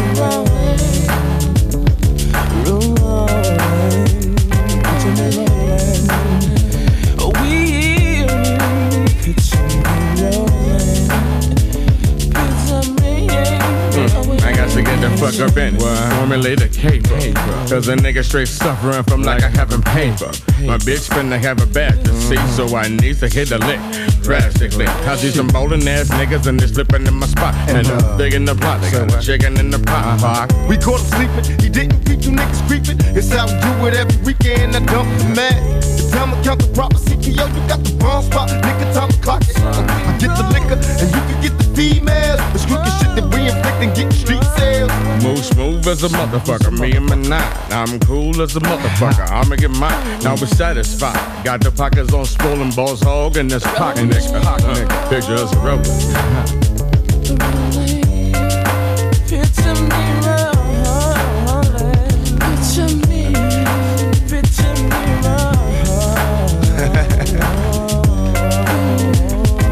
Y'all ready for me? Picture me rolling roll call. You know, some motherfuckers out there I just could not forget about. I wanna make sure they can see me.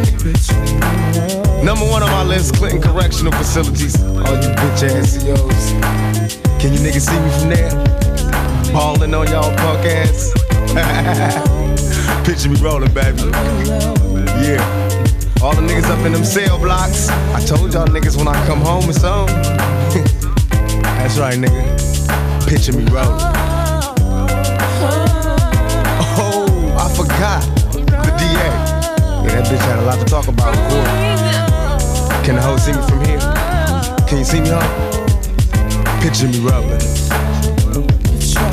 And all you punk police, can you see me?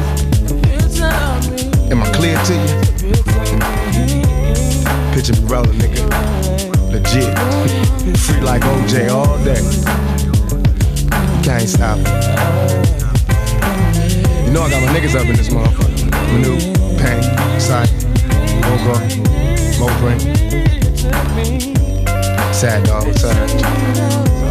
Can you picture us rolling? Can you see me on? Y'all ready for me? We about this bitch. Anytime y'all wanna see me again, rewind this track right here, close your eyes, and picture me rolling. Ja, Thomas, zit jij momenteel in een toepakfase of is dat dan is die maand net eh, afgerond? Die loopt nu ten einde. ik denk dat dit het eh, de punt is achter de maand. Maar di- dit nummer, dat eh, mag van mij altijd wel, altijd wel afgespeeld worden. En je hoort hier ook, behalve die, die energie, ook dat, dat, dat er...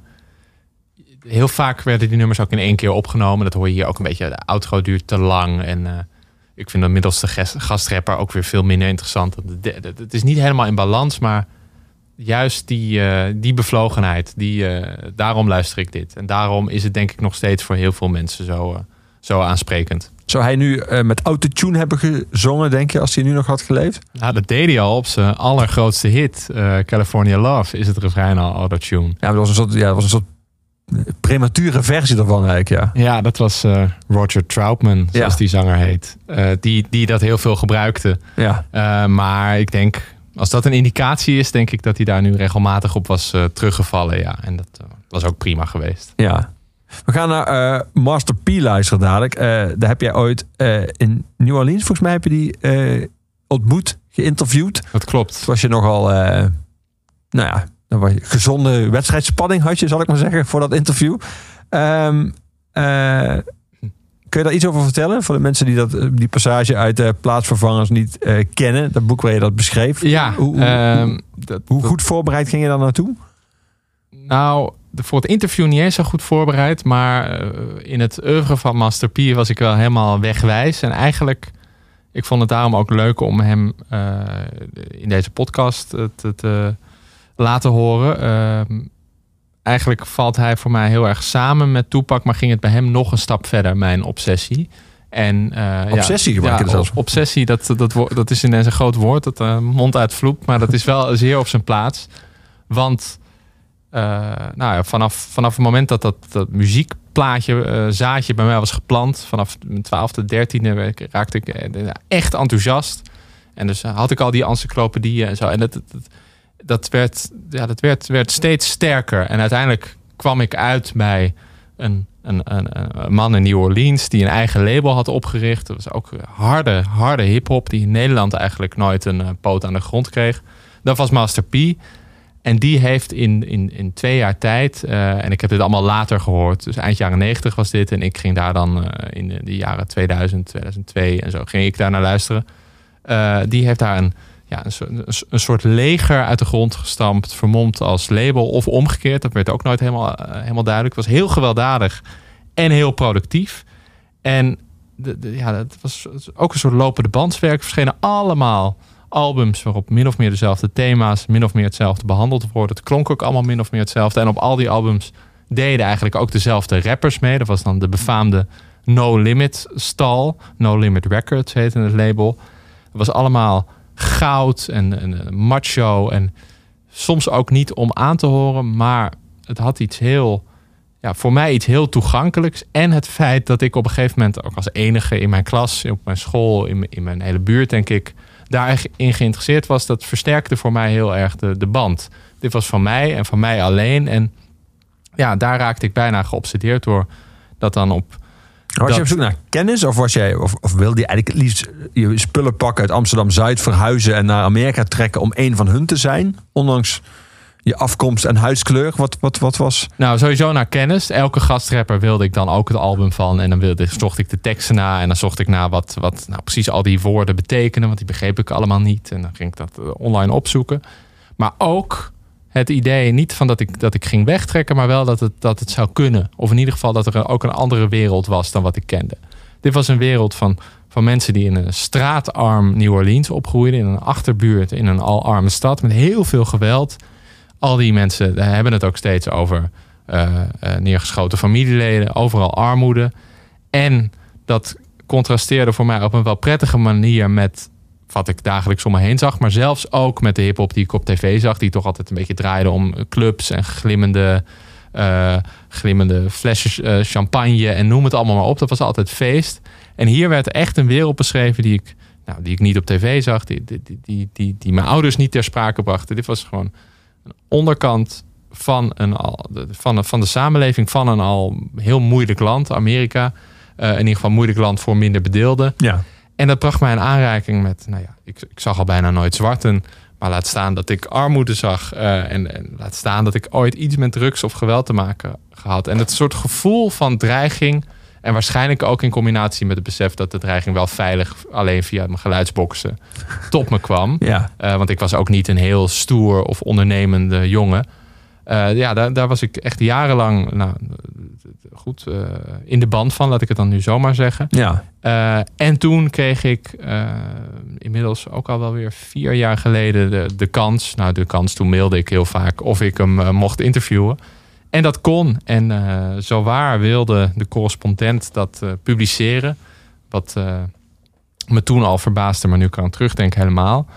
En toen kon ik daar, daarheen. En eh, ja, ik had keurig mijn vragenlijstje voorbereid. Maar ik had dus vooral al die kennis van dat vroegere label in mijn achterhoofd. En eh, toen ging ik eh, naar de Master toe in New Orleans.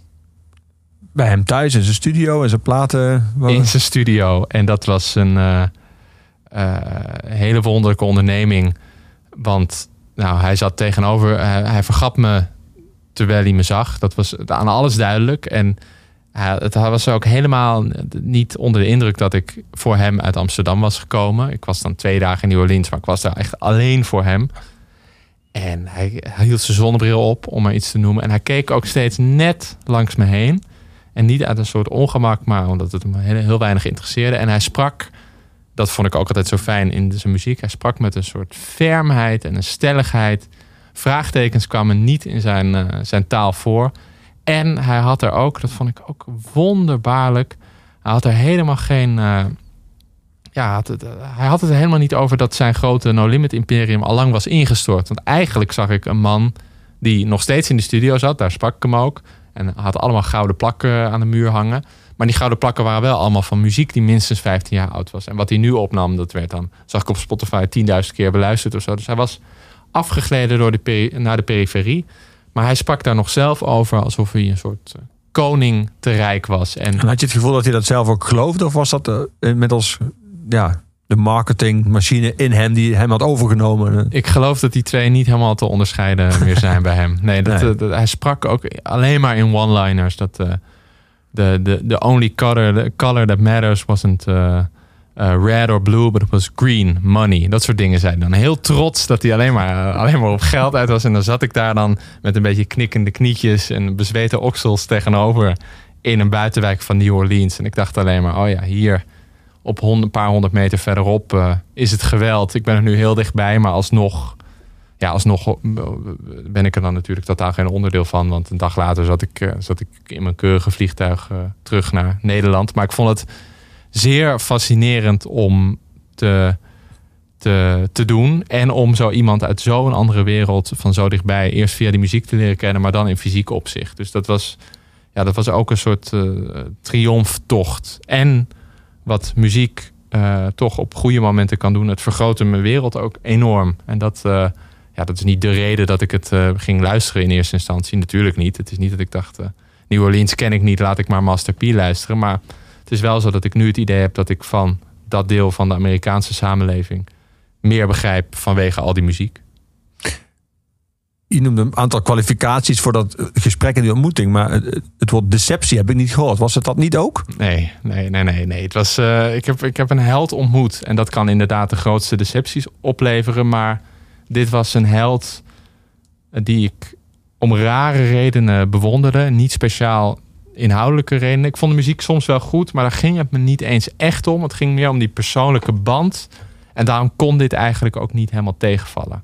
En Nee. daarom was het ook zeker geen deceptie. Nee. Nee, Je hebt eigenlijk, ja, maar je hebt eigenlijk een held van hem gemaakt. Ja, En dat, Inderdaad, En dat kan ja. hij dus blijven, ondanks zichzelf.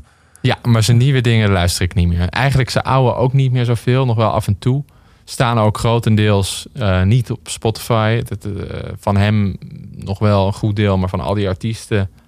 Ja, die zijn bijna allemaal weggegleden. Ik zag zelfs laatst een documentairetje... dat eentje nu dakloos is in een woonwagenkamp. Leeft hij onder een tent. Dus het is allemaal ook heel treurig. En het, is, dat raakt ook weer een armoede... Eh, New Orleans is natuurlijk ook zwaar getroffen door die, door die orkaan in Ja. 2005, geloof ik. Eh, het raakt een armoede die in Nederland die bijna niet voorkomt en waar ik helemaal niet mee in aanraking kom. Laat hem toch even draaien. Ja. Mag jij wel zeggen wanneer ik hem af, eh, af moet zetten? Ja. For the national Y'all anthem. niggas bout it? I started Ghetto this body body. If you bout it, Get 'em up. Get 'em up. I mean you bout it, bout. I mean body. Do We say you bout it, bout. I represent. Represent. It's 1990 Skrilla 1990 and Master Skrilla. P. Yeah, they label me a drug dealer. dealer. Cause I'm bout. I'm bout I mean I'm rowdy. I been I hear what them killers and everybody talk about. Bout We it. doing this. Uh. We doing that. We doing what? We in the studio whipping up dope tracks. Cause we real. We you real. better guard your grill. Right. Cause if we body body, If you ain't it, you might get killed. I represent T-R-U. where them killers hang. Third wall, uptown, Calvio on the map. Back above. Ain't no softness. Better guard your grill, motherfuckers. We coming hard, G. I got killers in the project selling water. I got niggas from New Orleans to Florida.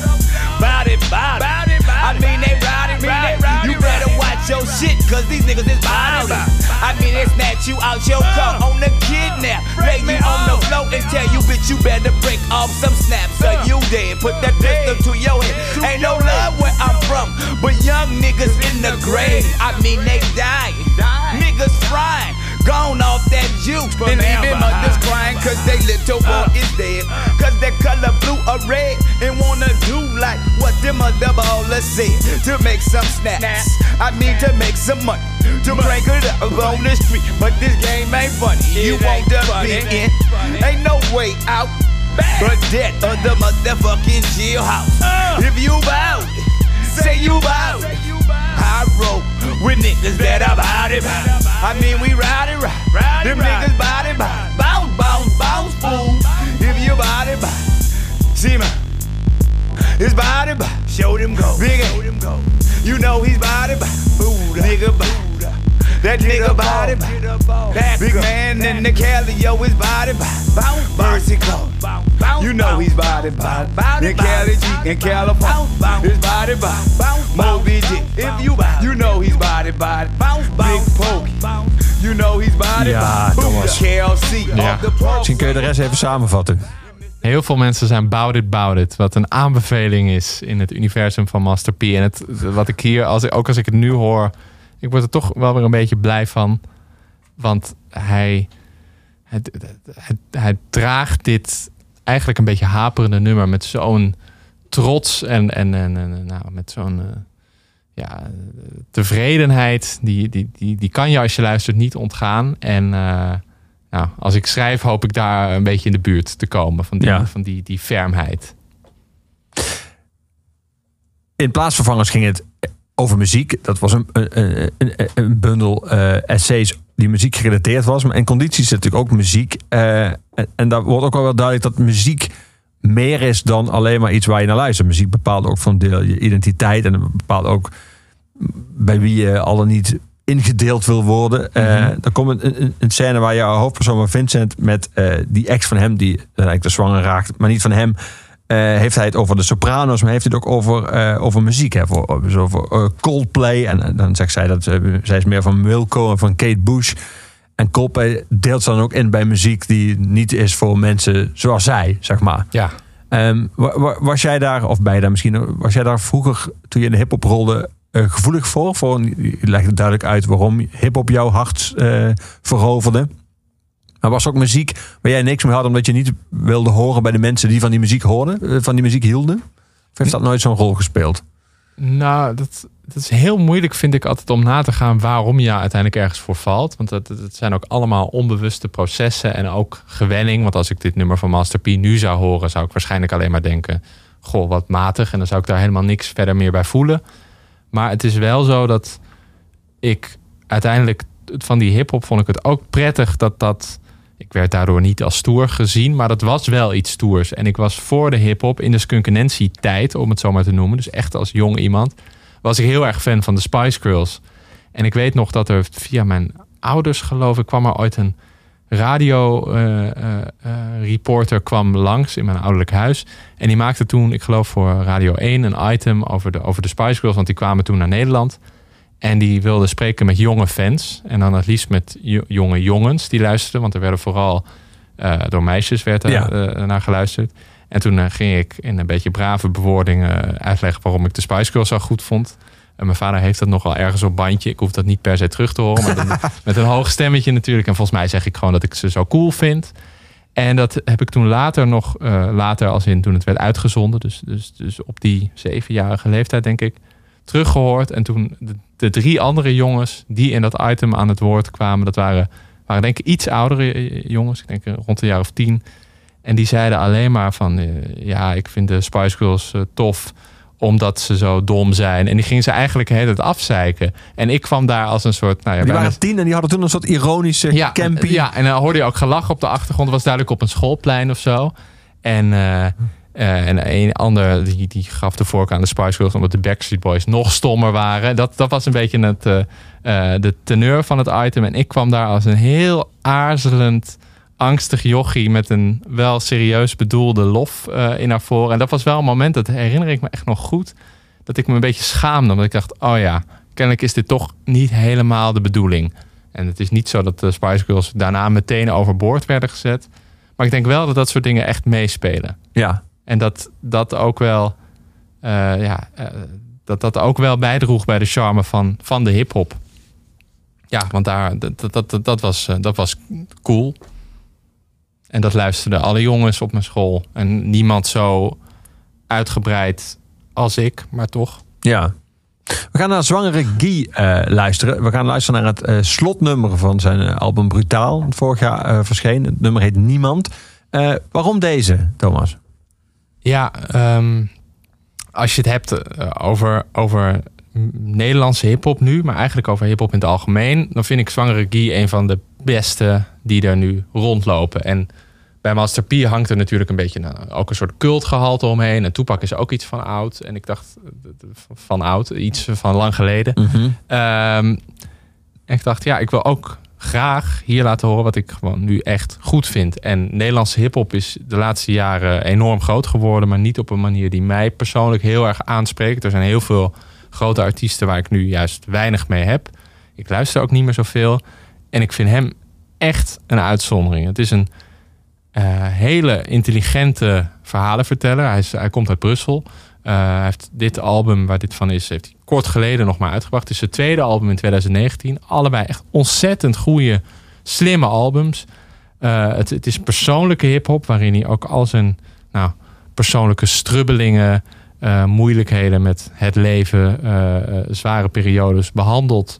Zonder dat, dat, dat, dat dat zwelgend of te nadrukkelijk wordt. Hij heeft daar een hele, hele rustige, eh, toch ja, een soort van. Het is soms moeilijk om uit te leggen, maar rustige, eh, slimme manier om dat te verwoorden. Hij heeft ook iets van die, van die, van die, van die weet je, nonchalante stoerheid die, die mijn veel hip-hop zo aanspreekt. Ik vind dat hij precies de goede toon aanslaat. Hij varieert ook heel erg qua muzikale begeleiding.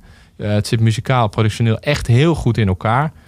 En, en ja, dit, dit, zijn, dit is echt de muziek die ik zou aanraden als, als zowel als een vriend als wanneer een oom nu aan mij vraagt welke hip-hop vind je tegenwoordig goed. Of, eh, of eigenlijk wanneer er gevraagd zou worden van die hip-hop, dat is toch alleen maar oppervlakkig geneuzel, het stelt toch niks voor. Dan zou ik dit laten horen. Niemand. Hoe komt het dat er niets meer in de weg staat? Ik ben het niet gewoon als alles goed draait. Is er iemand die me helpt als het misgaat? Of eindig ik op straat of in de misdaad? Heb schat aan het systeem en onze rechtsstaat. Zal grappen tot een ander op zijn bek gaat. Soms denk ik, ja, mijn leven dat is niks waard. Soms ren ik door het leven als een wild paard. Nu kan ik niet meer stoppen en niet stilstaan. Blijf vlammen door het leven als een driftbaan. We hangen niet meer uit en geen klikspaan. Doet het niet voor de film, daar heb ik niks aan. De mannen niet meer hangen, blijven wild gaan. Die toekoe op de bank, daar heb ik niks aan. Soms denk ik dat we even moeten stilstaan. Accepteren dat ik ballen ook kan mislaan. Is er iemand die me helpt als ik naar ze bel? Als dat ik in de cel? Niemand. Is er iemand die dat denkt, dat hij mij kent? Buiten ik zelf, niemand. Ik mis haar, wees vaak. Het leven is geen spel, nee geen quizvraag. Niks waard, stilstaan. Soms kan alles in het leven opeens misgaan. Hoe komt het dat ik alles zo voorbij loop? Zie me vlammen in een linker rijstrook. Hoe komt het dat ik nergens niet meer bij hoor? Doordat ik niet meer meedoe aan die lijnkook. Domme jongens willen pakken, maar ze zijn broke. Gaan we wachten tot er een zich voor de trein gooit? Doe wat dat je wilt met uw stash blow. Maar kom niet naar mij af met uw geblijt, no. Meer geld, meer stress en meer cashflow. Meer werk, meer flessen, meer stash, bro. Meer merk, meer press en meer pijn ook. Leer de lessen toen ik alles in mijn lijf gooi. Links, rechts, fast life. Honey van gezever of een bad vibe. Fit ver, half werk. Dat is nieuw dat het hier bij ons werkt. Vroeger was ik hier de G die niks gedaan kreeg. Bleef constant real voor zij die altijd voor mij klaar bleef. Nu willen mensen praten sinds dat ik een naam kreeg. Toch sta ik solo omdat niemand mij ooit aankeek. Is er iemand die me helpt als ik naar ze bel? Als zat ik in de cel? Niemand. Is er iemand die dat denkt, dat hij mij echt kent? Buiten ik zelf? Niemand. Ik mis haar, wist vaak. Het leven is geen spel, nee geen quizvraag. Niks waard, stilstaan. Soms kan alles in het leven opeens misgaan. Hoe komt het dat ik alles zo kapot maak? Vaak denk ik dat ik droom en niet meer ontwaak. Kappen, zappen, rappen en weer opstaan. Ben 24-7 rond de klok high. Soms moet ik even weg omdat ik rondwaal. Verworteld in de stad als een betonpaal. Ben niemand die dan nooit niet rond de pot draait. Assumeren of zwijgen als je stront. Fuck it, ik kan het niet stoppen. Blijf op de muren kloppen. Mijn leven verbetert, maar ik ben moe. Sommige zakken zouden er beter mee kappen. Ze zullen never beseffen wat dat ik doe. Dit is mijn leven en zal er alles voor geven totdat ze allemaal snappen wat dat ik voel. Kon ik niet rappen, dan zat ik nu nog te vakken. In de keuken of daken of op de koer. Kijk, niemand die me zegt wat te doen, hoe het moet. Nee. Ik kom met een gang en alleen of een troep. Veel. Ik doe mijn dang, man, give me de loot. Mee. Poppen naar de Biggie of een Jiggy of Snoop Tree. Wonen in die 1083 eerst. Daarna was het 1080 feest. En mo willen wham wham big En zo naar de gang die dit overleeft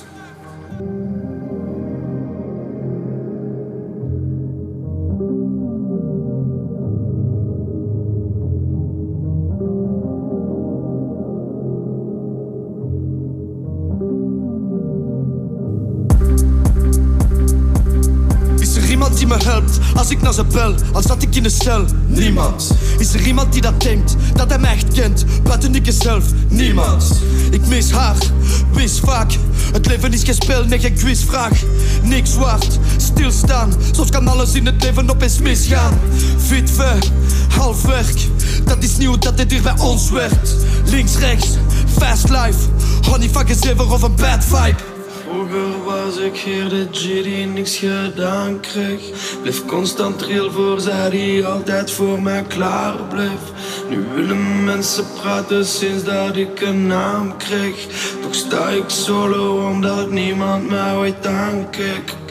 Vroeger was ik hier de G die niks gedaan kreeg. Bleef constant real voor zij die altijd voor mij klaar bleef. Nu willen mensen praten sinds dat ik een naam kreeg. Toch sta ik solo omdat niemand mij ooit aankeek. Vroeger was ik hier de G die niks gedaan kreeg. Toen Leonard Cohen overleed, liet hij wel muziek na en ook een taak, zou je bijna kunnen zeggen, voor zijn zoon, namelijk maak dit album af. Dat heeft die zoon gedaan, heeft hij prachtig gedaan met heel veel gastmuzikanten en met heel veel tijd en liefde en aandacht is er uiteindelijk postuum Thanks for the Dance uitgekomen.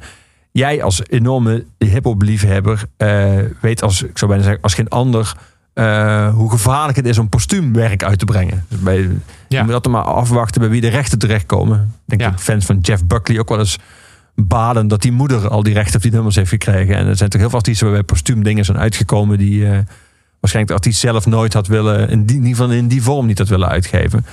Maar hier ben je ook enthousiast over, of niet? Of die laatste Cohen. Hier ben ik zeer enthousiast over, ja. En dat is, he- het is een heel mooi eh, ingetogen album waarbij ik steeds het idee krijg dat dit precies is wat hem voor ogen stond.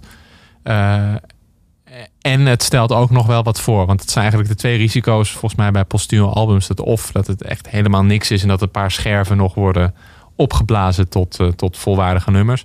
Of dat, en dat gebeurde trouwens bij Toepak veel, dat de artiest in een, in een hedendaagse mal wordt geduwd die hem eigenlijk helemaal niet past. Dat het eigenlijk alsnog geüpdate wordt, je, maar dan ja, verkeerd. Ja, en dat laatste was bij Leonard Cohen denk ik niet eh, heel waarschijnlijk geweest. Maar het is een kort album. En eh, op het album, het laatste album dat hij in zijn leven uitbracht...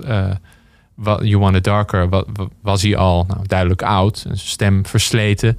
Eh, en dat, dat is hier nog iets verder zo. Maar dat, daar zit juist een bepaalde kracht in. Het, het is bijna een, een, een poëziealbum. Ja, het is bijna En- spoken word. ja, precies. Ja. En, en, en wat ik zo interessant, of een van de dingen die ik zo boeiend daaraan vind, is dat Leonard Cohen eh, eigenlijk in het slotdeel van zijn loopbaan zichzelf weer helemaal, nou niet helemaal opnieuw heeft uitgevonden, maar wel met die gebrekkige stem en met die ouderdom een, een bepaalde toon aansloeg die hij in eerder werk niet had kunnen aanstaan. En dat hij, dat hij daardoor niet bleef teren op oude successen of succesjes, maar dat dat laatste, dat slothoofdstuk van, van zijn loopbaan echt, echt helemaal op zichzelf staat. Ja. En echt Eigenlijk net heel Johnny Cash. is. Ja, ja, die had misschien nog wel een dieper dal, of in ieder geval die had een, eh, eh, eh, muzikaal gezien uh, Dieper Dal. Die heeft meer albums uitgebracht die ik zelf ook helemaal, helemaal niet interessant vind. En die, ik, heb, ik heb een biografie over Johnny Cash gelezen. Die werd uiteindelijk door producer Rick Rubin benaderd toen hij zelf als een soort, ja, bijna een soort parodie door casino's ging en door Las Vegas rondtrok om steeds maar weer op te treden en steeds weer You Walk the Line en Ja, steeds weer die oude ja. hits. En toen geloofde Johnny Cash dus, geloofde hij ook bijna niet dat een nieuwe producer nieuw materiaal met hem wilde maken en dat hij daar werkelijk iets in zag. En die heeft toen met die American Recordings natuurlijk een reeks echt prachtige albums uitgebracht. En inderdaad, dat is ook een heel op zichzelf staand Ja. heel mooi project geworden. En voor mij horen die laatste twee albums van Leonard Cohen ook heel erg bij elkaar. En gevoelsmatig ook al bij eerder werk, maar toch staan ze echt, echt, echt op zichzelf. En Ja. ik vond dit, eh, ja, dit korte, korte laatste postume album van Leonard Cohen, Thanks for the Dance, dat eh, vond ik echt een prachtig, eh, intieme, bijna fluisterende, ja, dit dan de echte zwanenzang, zo'n afgesleten lelijk woord, maar dat werd al steeds gebruikt bij die eh, You Want It Darker, maar dit is hem echt. Ja. En dat heeft die zoon, ik weet niet precies natuurlijk wat die heeft gedaan, maar die heeft het in ieder geval voortreffelijk afgemaakt. Ja, ik vond het eh, eigenlijk een van de, de beste albums nog van het afgelopen jaar. ja. Heb je hem nog live gezien of niet? Hij is nog... Nee, nee. Ook wel fascinerend. Ik ben zelf in, in- in- in- ik zou bijna zeggen, in jouw Amsterdam-Zuid geweest, waar hij in het Olympisch Stadion speelde. Nou, daar woon ik eh, niet meer. Nee, maar van, van oudsher dan, eh, waar jouw roots liggen. Eh, het grappige is dat hij, wordt heel vaak natuurlijk gebruikt als verdachtmaking als mensen opnieuw gaan toeren. Dat zullen ze wel voor het geld doen. Hij deed het voor het geld. Hij bleek getild Ja. te zijn en hij had helemaal geen geld meer. Maar ja, dat was dan misschien voor, voor de, sommige mensen en ook voor sommige mensen de verkeerde redenen. Maar het, het- ik heb dan, ik, hij stond met zelfs een plezier en kwinkslag en dansend stond hij op het podium. eh. En wanneer was dit? Hoe lang Het was geleden? eh 2014 volgens mij. Ja. Ja, nee, ik vind het eh, heel jammer dat ik, dat, eh, dat ik daar niet bij was. Maar mm, op zich, op zich- hij was toen al wel een beetje op mijn radar. Maar het heeft bij mij door, door die enorme liefde voor hip-hop lang geduurd. voor ik eigenlijk ook een beetje open stond voor andere genres. En dat heeft de laatste jaren is dat nog veel meer toegenomen. En ik luister dan ook heel graag terug naar iemands vroege werk. En als Leonard Cohen nu zou komen, eh, dan, als dit, als dit allemaal eh, zes jaar later zich had, eh, had afgespeeld, was ik heel graag daarheen gegaan. Maar dat heb ik helaas net, net, net, net niet mogen meemaken. Maar gelukkig blijven er nog blijven die laatste albums nog Ja. over. En die blijven denk ik echt nog wel een tijd eh, heel fier overeind staan. We gaan luisteren naar het eh, openingsnummer van eh, Thanks for the Ja, Dance. prachtig Happens nummer. to the Heart.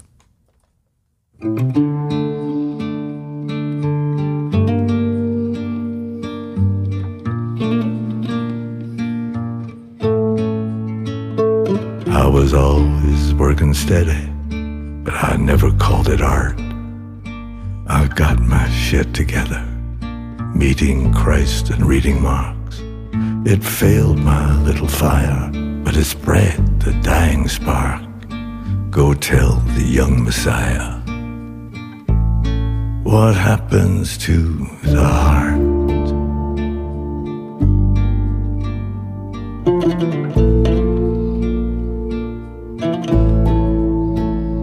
There's a mist of summer kisses where I tried to double park.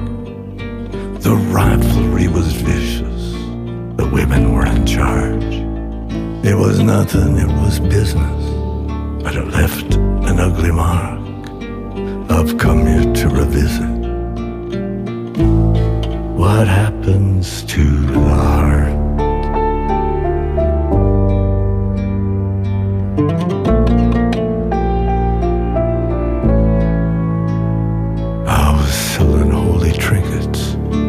Was dressing kinda sharp. Had a pussy in the kitchen and a panther in the yard. In the prison of the gifted, I was friendly with the guards, so I never had to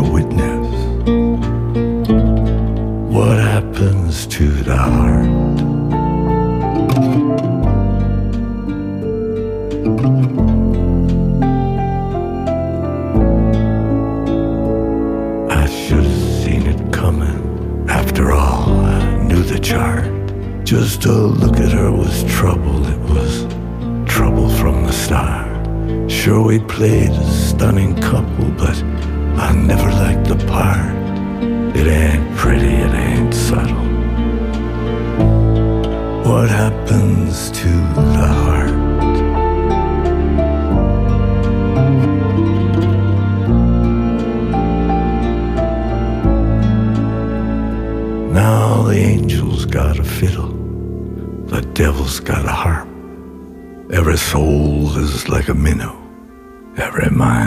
like a shark.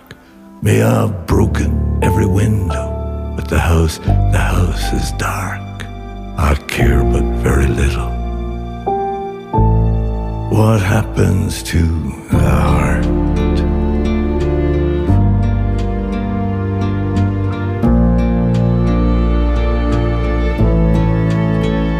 Then I studied with this beggar. He was filthy, he was scarred by the claws of many women he had failed to disregard. No fable, hear no lesson, no singing meadowlark, just a filthy beggar guessing. What happens to the heart?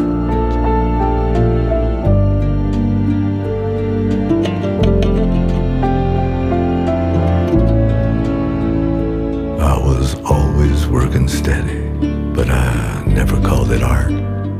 It was just some old convention, like the horse before the cart. I had no trouble betting on the flood against the art. You see, I knew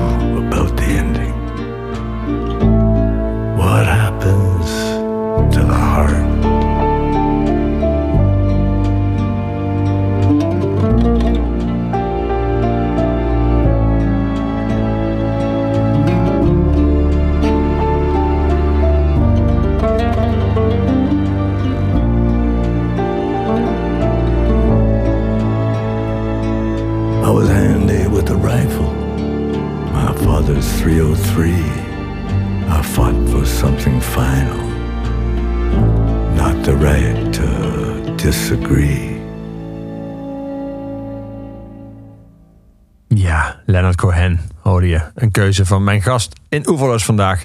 Schrijver Thomas Heerma van Vos. Condities, zo heet zijn roman. Ligt nu in de boekhandel, uitgegeven door Das Mag.